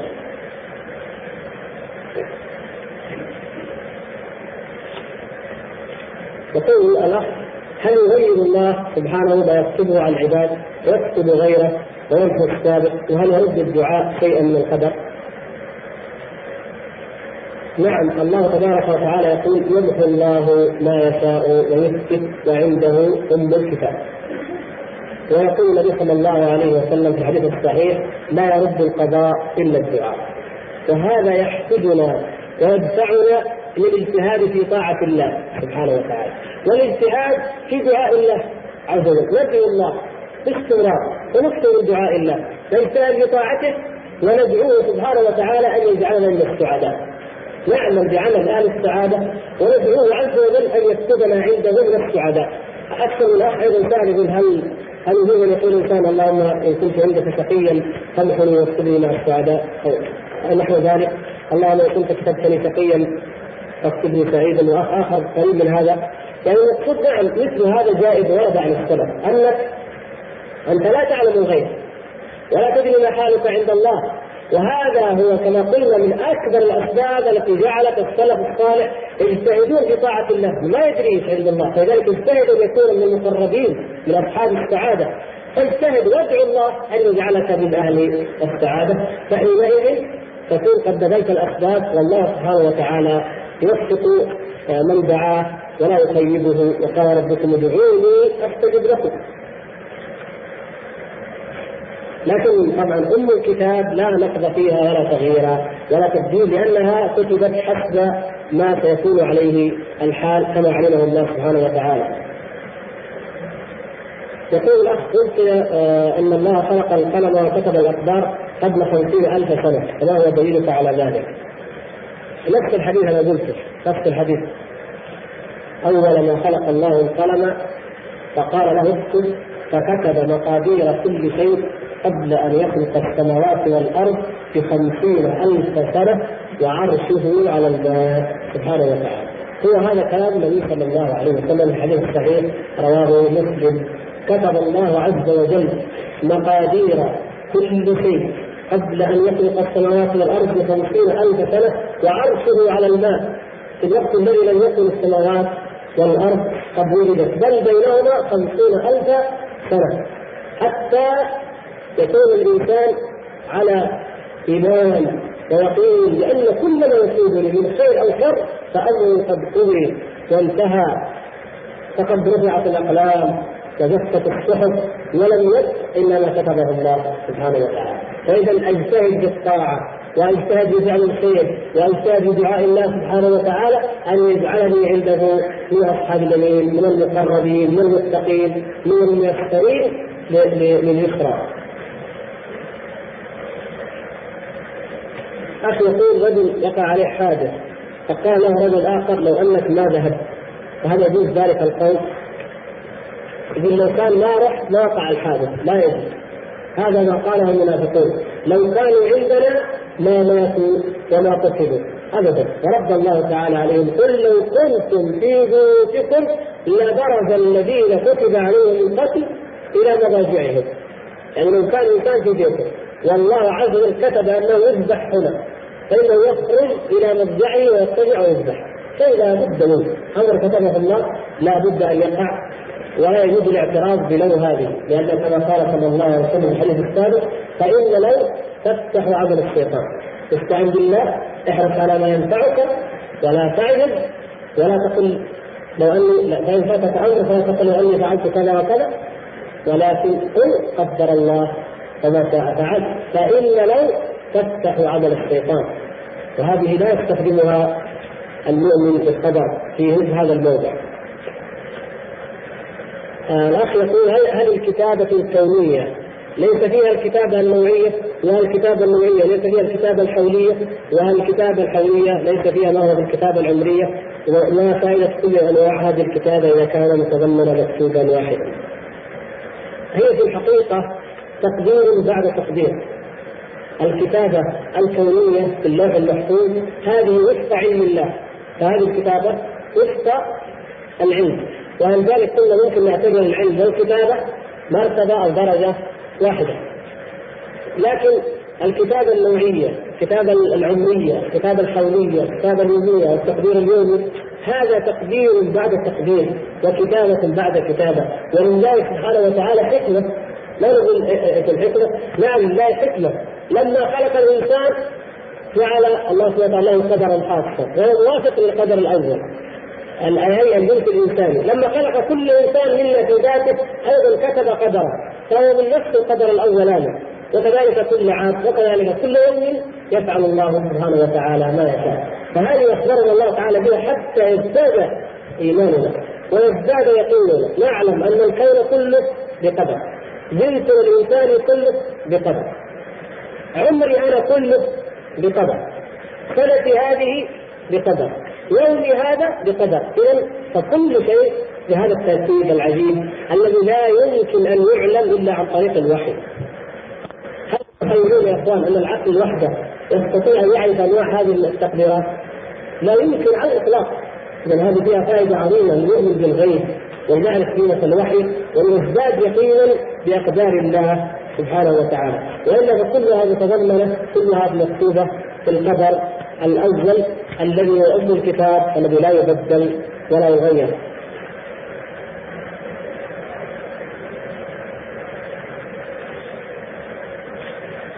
يقول الأخ قال بعض السلف رأيت أعلم الناس بالقدر أجهلهم به وأجهل الناس به أعلمهم به. ما راي حضرتكم في هذه العبارة ثم نذكر موقف السلف حول الإمام من قضاء القدر.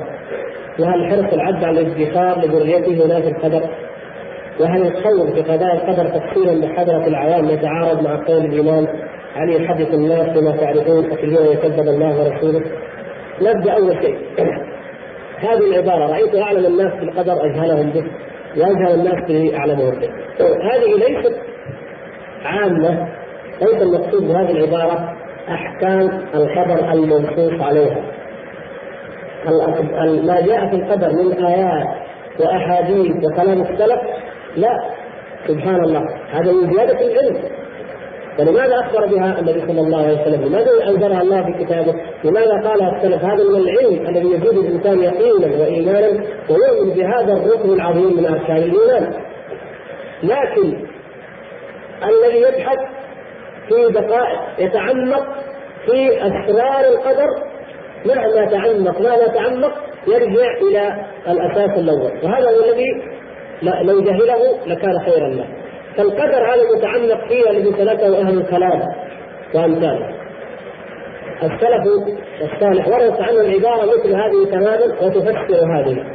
يقول رأيت ما لا اذكر لعله ابي يوسف غيره أعلم الناس اجهلهم قال العلم بالكلام هو الجهل والجهل به هو العلم. علم الكلام هذا التعمق والتدقيق في امور في العقل مجرد أمور لم ترد في صفات الله في القدر في هذه الأمور. هذا هو الجهل. نعم. لأنه يتكلف يتكلف الإنسان ما لا يمكن أن يصل إليه وما لا يطيقه وهذا ينتج عنه الضلال والانحراف عافانا الله واياه أما العلم الذي هو في الكتاب والسنة وكلام الصحابة والائمه المتعلق بهما فليس داخلا في ذلك. هل حرص العبد على الادخار لذريته يتنافى مع القدر؟ لا. الجوع قدر. إذا أكلت وتبعت أذهبت الجوع هذا أيضا قدر. ولهذا المؤمن مطالب أن يتبع القدر بالقدر. وعلى ذلك عبارة عبد القادر الجليل الذي ذكرها شيخ الإسلام. العبودية نازعت أقدار الحق بالحق بالحق يعني القدر ينازع بالقدر فهذه كلها اقدار وكلها اسباب جعلها الله سبحانه وتعالى. وأنا لا علم لي بالمكتوب عند الله وإنما أنا مطلوب مني أنني اتبع قدرا بقدر. اتبع المعصية بالطاعة. اتبع الغفلة في قلبي بذكر الله عز وجل بقراءه القرآن. وأن اتذكر الموت والآخرة. اتبع بها القدر الذي هو الغفلة. ادفع الدواء بالعلاج الداء بالدواء والعلاج وهكذا. وهذا بالذات أيضا النبي صلى الله عليه وسلم قال لسعد لأن تذر ورثتك أغنياء خير لك من أن تذرهم عالة يتكففون الناس فهذا من الأخذ بالأسباب وهو معتبر ولا شيء فيه.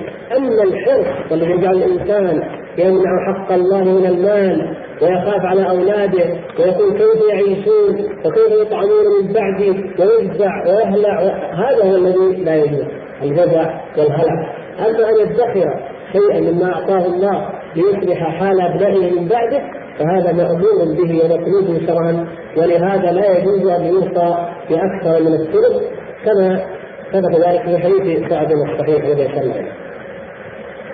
هل عرض قضايا القدر لحضرة العوام تفصيلا؟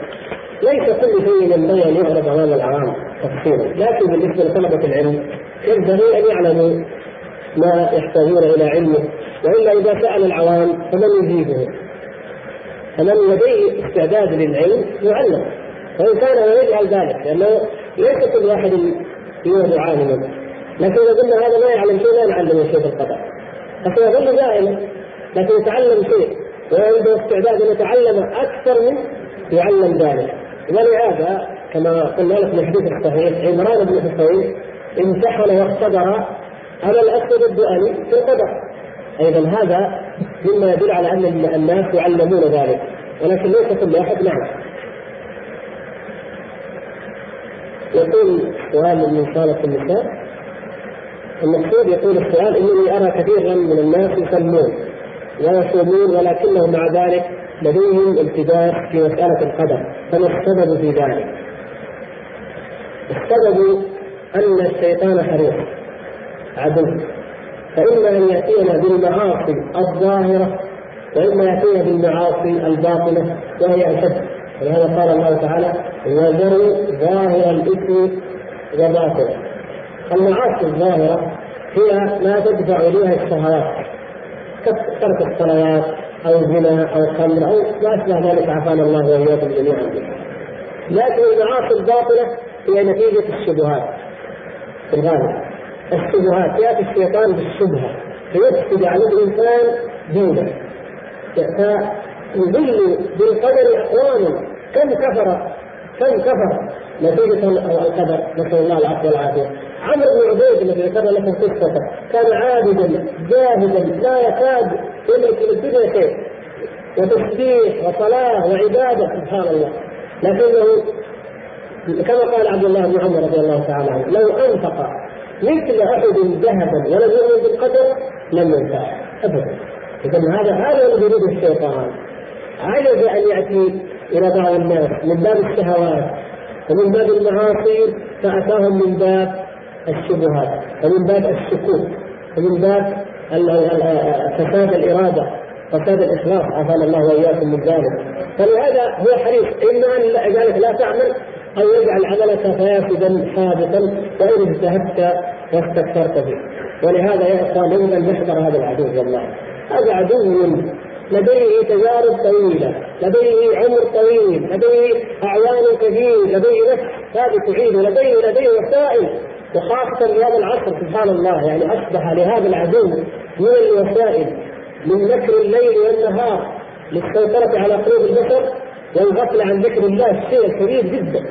حتى هذه الشبهات أصبحت الشبهات تتلاحق على الناس شبهات في القدر في الصفات في الإيمان بالله في نشأة الكون في سبب وجود الإنسان في نهاية الإنسان شبهات متلاحقة. فلا تكاد ترى كتابا. من هذه النوعيات أو مجلة أو فيلم أو كذا أو أو مقالة إلا فيها شبهة. سبحان الله. يعني المؤمن والله لولا ثقتنا في نصر الله وفي وعد الله والإيمان بالله سبحانه وتعالى وأن الحمد لله الأمة فيها صحوه طيبه وفيها فئة ثابتة فتقول انتهى الإسلام. من كثرة ما تجد من مكر الليل والنهار في هذه الشبهات. كل الأطفال كان الطفل إلى فترة قريبة ينشا الطفل إلى أن يبلغ القلب لا يسمع شبهة. الآن الطفل يصب في ذهنه الشبهات صبا كل يوم تقريبا. كل يوم. ولهذا نقول ضرورة التربية على الإيمان وعلى العقيدة الصحيحة وعلى العلم الصحيح. ولا يكفي مجرد عواطف ولا يكفي مجرد استثارة. يجب أن تكون على علم وعلى يقين وإلا في عصر الشبهات. فهذه فائده الشيطان. نسأل الله أن يكفينا وإياكم وإخوان المسلمين شر فوائده.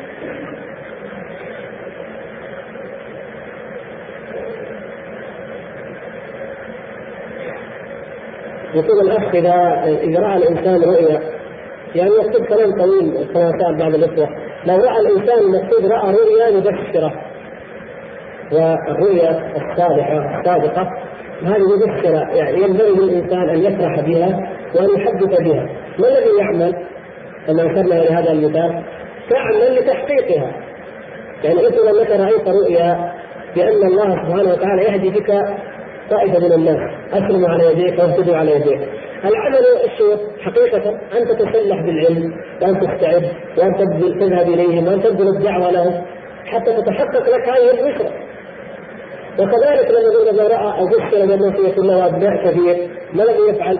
يسعى ليتزوج المرأة الصالحة ويسعى لأن يكسب هذه الذرية الصالحة الطيبة يعني يبذل الأسباب التي تجعل هذه البشرى حقا إن شاء الله.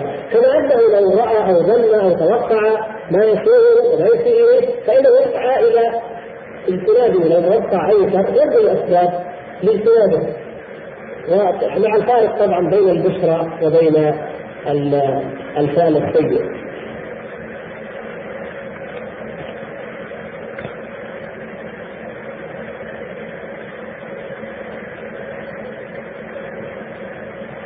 هناك يقول قد يقول قائل أنا أؤمن بأن الله بعلمه الأزلي قد علم ما سيكون من اختلاف الناس وتفرقهم بطريق الخير أو الشر. كما السر الذي من أجله ذهب فلان إلى طريق الخير وفلان ذهب إلى طريق الشر. قد تجيب بان هذا راجع إلى إرادة الإنسان وحسن امتثاله وصبره والتزامه بطريق الخير. فيقول لماذا لم يخلق هذين الرجلين بإرادة واحدة؟ متساوية ولماذا استطاع هذا يتحكم في إراداته ويوزع زينته نحو الخير وذاك لم يستطع أن يفعل ذلك. أنا معك أنني سأجيبك كما تفضلت سأقول لك لو سألتني لماذا اختار هذا الخير واختار هذا الشر؟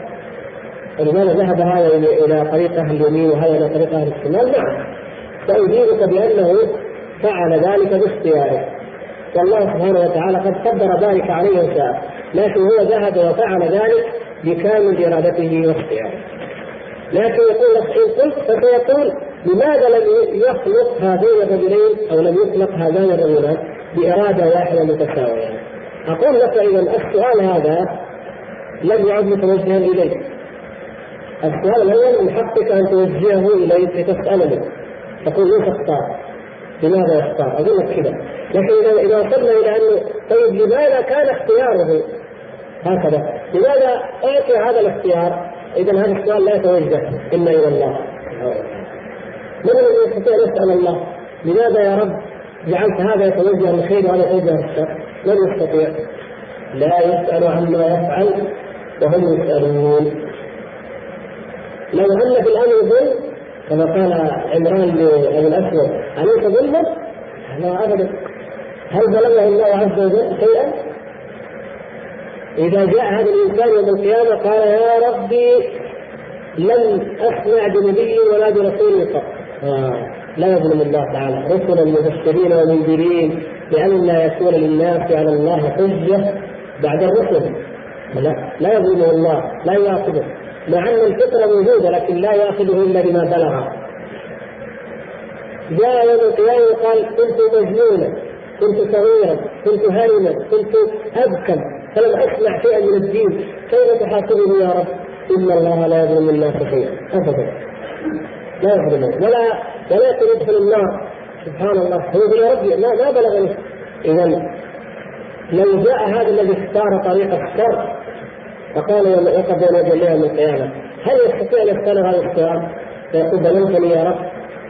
لماذا؟ الله سبحانه وتعالى أعطاك القدرة وأعطاك الاختيار وانت اخترت فلهذا لا يقول ذلك أحد.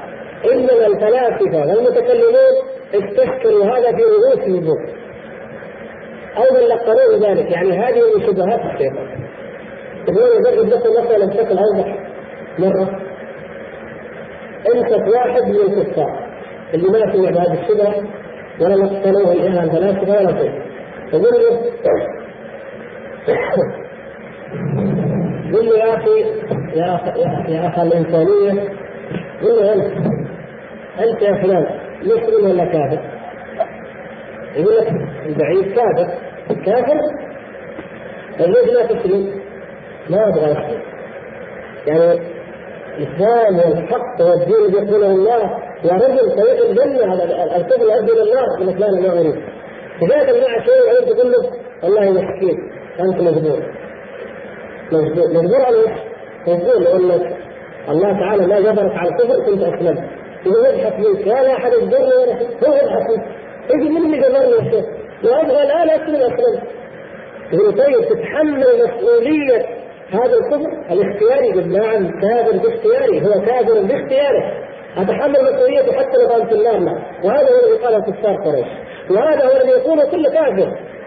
اللهم إن كان هذا هو الحق من عندك فأمطر علينا حجارة من السماء. فلا ما عندهم لا في قضيه مجبورين ولا شيء. هو بالله لا يمكن أن يكون حق. إن كان حق أمطر علينا حجارة.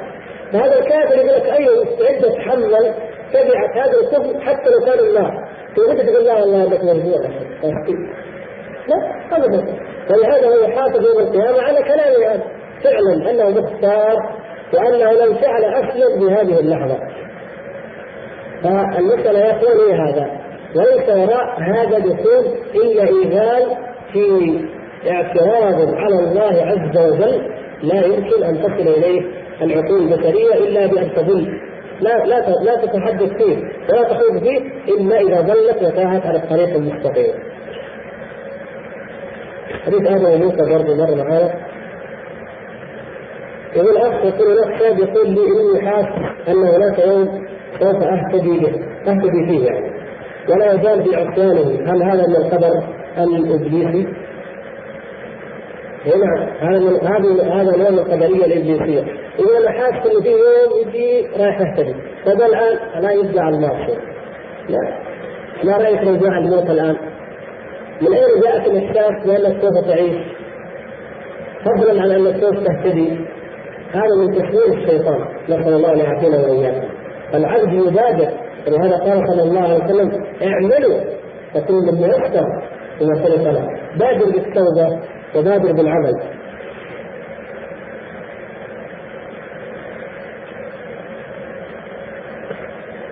الأخ أثار إشكال في قضية العلم لا يخفى على أحد منكم.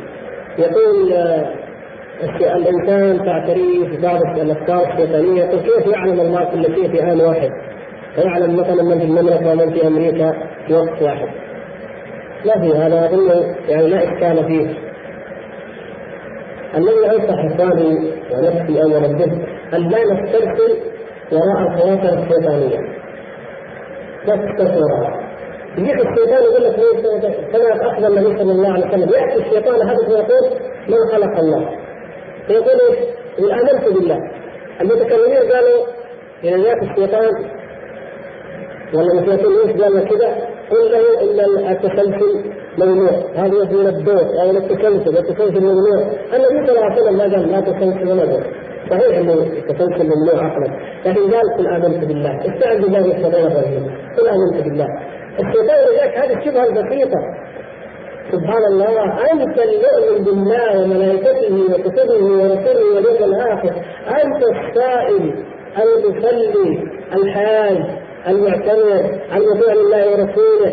الذي ترى آثار العلم الله عز وجل وآثار حكمة الله وآثار رحمة الله وتقرأ كتاب الله وترى وترى عجائب فعل الله بالعصاة وعجائب نصرة نصرة الله وتوفيقه للطائعين كل هذه الحقائق عندك ملء السمع والبصر يضحك عليك الشيطان. بحاجة طويلة زي هذه خليك تفكر فيها. لو أنك فكرت يقول تستحق لا تستحق ابدا.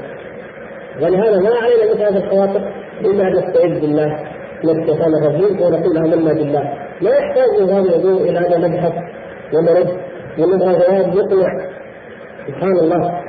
الذي ينكر الشمس حاجة إلى السنة أن هذا الشعاع هذه الحرارة تحس بها ان الحرارة سببها الشعاع والشعاع من الشمس. هذا عمليه صحيح أنها دليل لكنها في الحقيقة الاستدلال على شيء ظاهر بارز. ولهذا يا إخوان السلف الصالح الصحابة انظروا ما جاءتهم مثل هذه الأسئلة. ما جاءتهم. حتى الاعرابي الذي جاء قال من خلق جاء إلى أبي هريرة رضي الله تعالى عنه قال صدق خليل رسول الله. أعرابي الباديه يعني حال الأعراب سب كفرا ونفاقا وأيضا لا يعلم حدود ما أنزل الله على رسوله. درجة على الأعراب من العلم زي درجه اي واحد في أصل الزمان. لا يفرق كونه في العصر الأول أنه عالم لأنه القضية ليست مجرد العصر بل هو العلم لا يفتح شيء. فالمقصود أن الإنسان الذي انار الله تعالى قلبه بدلائل الإيمان لا يسترسل وراء هذا الأفكار. ولماذا نحن نعيب على المتكلمين وعلى غيرهم المتفلسفين. نقول يا سبحان الله كتاب الله ينطق بالحق وكلمات رسول الله صلى الله عليه وسلم وسنته بين أيدينا. وترجعون نحن تريدون أن نتبعكم في أدلة عقلية قد وقد تقوى لا عندنا براهين أقوى من ذلك أنتم تريدون تثبتوا ان الله تعالى موجود يقول لا يحتاج جهدكم يعني هدفكم طيب في غير قائل ناس من الذي انكر وجود الله؟ هل نحتاج نحن أن أن نكرر أن الله موجود؟ نحتاج أن نكرر أن الله سبحانه وتعالى هو وحده المعبود المألوف المطاع المتبع شرعه ودينه هذا الذي نحتاجه. وهكذا إلى كان هذا السؤال. هذا السؤال ما بأس نقرأه من كان الأخ يعني رجع ذلك.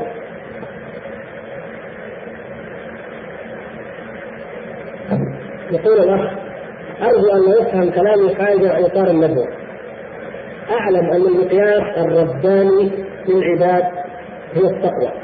يعني للكرم والمطابقة وحديث رسول الله صلى الله عليه وسلم لا فضل لعربي ولا إلى آخر الحديث ونحن نعلم أن هذه بدء البشرية واللون الأسود مجتهد إلى يومنا هذا وأنت أدرى بما يحدث في عالمنا اليوم وتعيير السادة والعجيب السؤال لماذا قدرية اللون الأسود؟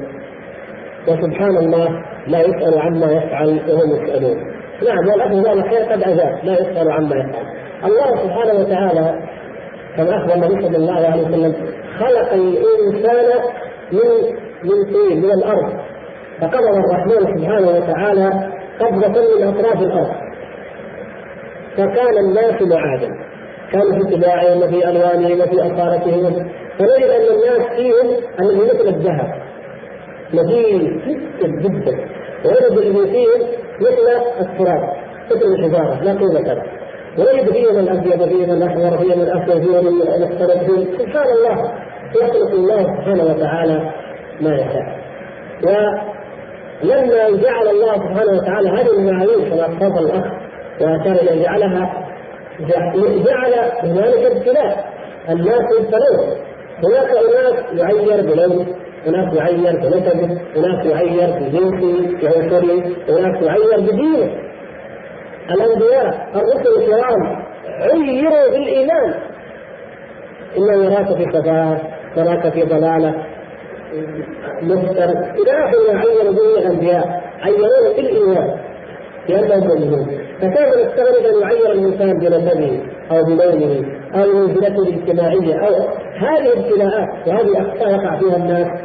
إذا انحرفوا عن دين الله سبحانه وتعالى. وهذا الانحراف الذي يقع من الناس الله تعالى له فيه حكمة فيكون بهذا المعين بما لم يجعله الله تعالى ميزانا للمفاضلة هذا الذي عير به عليه وجه. وذاك أن عير في نسبه أو في لونه أو عنصره أو في حرفته أو أي شيء وصبر وهي ليست مما من كسبه أو لا حرام فيها فصبر فإن له بذلك الأجر. اذا هذا نوع من أنواع الابتلاء ونوع من أنواع الأمور التي جعلها الله سبحانه وتعالى بحكمته مكانا لتغير الأفهام وليفصل الله تعالى يوم القيامة بين الناس بما كانوا فيه يختلفون ومنها اختلافهم في هذه المعايير.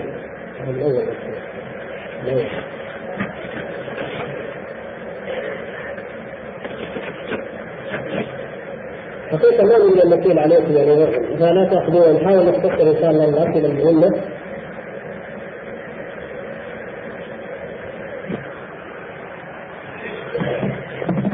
مثلا هذا السؤال يقول له حديث نزل توضيح الغموض بالنسبة لحديث السبعين الفا الذين يدخلون الجنه بلا حساب ولا عذاب. وذكر منهم الذين لا يسترقون ولا يتطيرون. هل معنى هذا ان التداوي ينافي القضاء والقدر؟ هذا سبق قلنا لكن السؤال جاء متأخر بعد أن قلنا يحتاج إلى تأكيد التداوي لا ينافي القضاء والقدر بل هو دفع للقدر بالقدر هو من القدر لكن السبعين ألفا هؤلاء هل قال لا يتداوون؟ هل قال لا يتعاطون الأسباب؟ لا يسترقون ولا يستوون ولا يتطيرون انظروا نوع معين فقط ترفعوا عنه بلغ فيهم كمال التوحيد أن تركوا هذا النوع فقط. لكن لم يقل لا يذهبون إلى الأطباء لا يتعالجون لا يأخذون دواء يصبرون مطلقا في كل مرض يصبرون دائما. لا. فإذا الدواء الذهاب إلى الطبيب التداوي الأخذ بالأسباب المشروعة لا ينزل الإنسان عن تحقيق التوحيد ليكون جعلنا الله وإياكم من هؤلاء السفينة. لكن التطير أو طلب الرقية هو الذي يؤثر. فإذا النص محصور فقط فيما يعني الحكم محصور فيما ورد به النص ولا تعدى ذلك إلى غيره. هل جميع ما حدث من الانسان خيره وشره من القدر؟ نعم كما تبين كله علمه الله وكتبه وشاءه وخلقه. حسب المراتب الاربع ما معنى قوله تعالى ما اصابكم من خير فمن الله وما اصابكم من شر ليست الآية هكذا. ما أصابك من حسنة فمن الله وما أصابك من سيئة فمن نفسك. هذه الآية مما أشكل على القدرية وظلوا فيه وتاهوا والمتكلمون. فهو أن الله سبحانه وتعالى آه، رد قول المنافقين الذين قال الذين إن تصبهم حسنة يقول هذه من عند الله. تصبهم سيئة يقول هذه من عندك إن كل من عند الله فما لهؤلاء القوم لا يكادون يفقهون حديثا. ما أصابك من حسنة فمن الله وما أصابك من سيئة ومن نفسه الآية بحمد الله ليس فيها إشكال على مذهب السنة والجماعة وكما فسرها علماء السلف. لكن الحيرة جاءت كيف يمكن الله عز وجل على المنافقين قولهم ان ما أصاب من حسنة فهو من الله وما أصاب من سيئه فهو من الرسول صلى الله عليه وسلم المؤمنين ثم بعد ذلك يقول ما أصابك من حسنة فمن الله وما أصابك من سيئة من نفسك. يعني زي, كلامهم كيف ينفي كلامه ويبطله ويقول من لا يفقهون ولا يكادون يفقهون شيئا فما لهؤلاء القوم لا يكادون يفقهون حديثا. ثم بعد ذلك هو يقول ما أصابك من حسن فمن الله وما أصابك من سيئة فمن الله الجواب أن الحالين المقامين مختلفان. الكافر المنافق العاصي الفاجر ما أصابه من حسنه فهي من الله فضلا فضلا تفضل الله تعالى به. وما أصابه من سيئة فهي من نفسه سببا. يعني بسبب نفسه يعني عقوبة. والحال والحال أن كلا من عند الله الخير والشر كله من عند الله سبحانه وتعالى. وكذلك إذا نظرنا إذا قالوا ما أصابنا لما قالوا قالوا ما أصابنا من حسنة فمن الله. حق. وما أصابنا من سيئة يقول هذه من عندك. آه كيف من عندك؟ معنى من عندك؟ يعني بسببك يعني يا محمد أنت السبب في هذه المصيبة. يقول لا. ما اصابكم من حسنة فهي فضل من الله لأن الله سبحانه وتعالى يعفو عن كثير كما لأن في المصائب كلها تنزل الذنوب لكن يعفو عن كثير مما تذنب وما اصابكم من سيئة فليست بسبب محمد صلى الله عليه وسلم بل بسبب معصيتكم أنتم بسبب ذنوبكم أنتم. ولهذا لما أراد أن يوضح ذلك وضحه بخطاب من لا شبهة فيه وهو النبي صلى الله عليه وسلم وأصحابه. فيقول له ما أصابك من حسنة فمن الله. وما أصابك من سيئة فمن نفسك. لاحظوا ماذا من المنافقين لما هم قالوا من من محمد ومن معه. التولى بموسى ومن التولى بموسى ومن وهكذا. فإذا ما يصيب الإنسان من خير فهو من الله فضلا. وما يصيبه من شر فهو من الله عدلا. سواء كان هذا الإنسان صالحا أو صالحا فأن يجعل غير الله هو الذي يصيب لا. لكن السبب حتى وإن كان السبب من غيرك جاءتك مصيبة. وأنت عاصي. وإن كان السبب من غيرك ففي الحقيقة أنك أنت السبب. أي معصيتك هي التي جعلت هذا الإنسان يسلط عليك. وهذه حقيقة واضحة. عند المؤمنين جميعا. ما كان المؤمنون والسلف الصالح يبتلون ويبتلون حتى بالكفار إلا يؤمنوا أن هذا من عند الله. حتى لما ابتلوا يوم أحد قل هو من عند أنفسكم. فتسليط الكفار عليهم بالقتل هذا من من؟ من عند أنفسهم أي بسبب ذنوبهم. وليس مجرد أن الله سبحانه وتعالى هكذا. كذا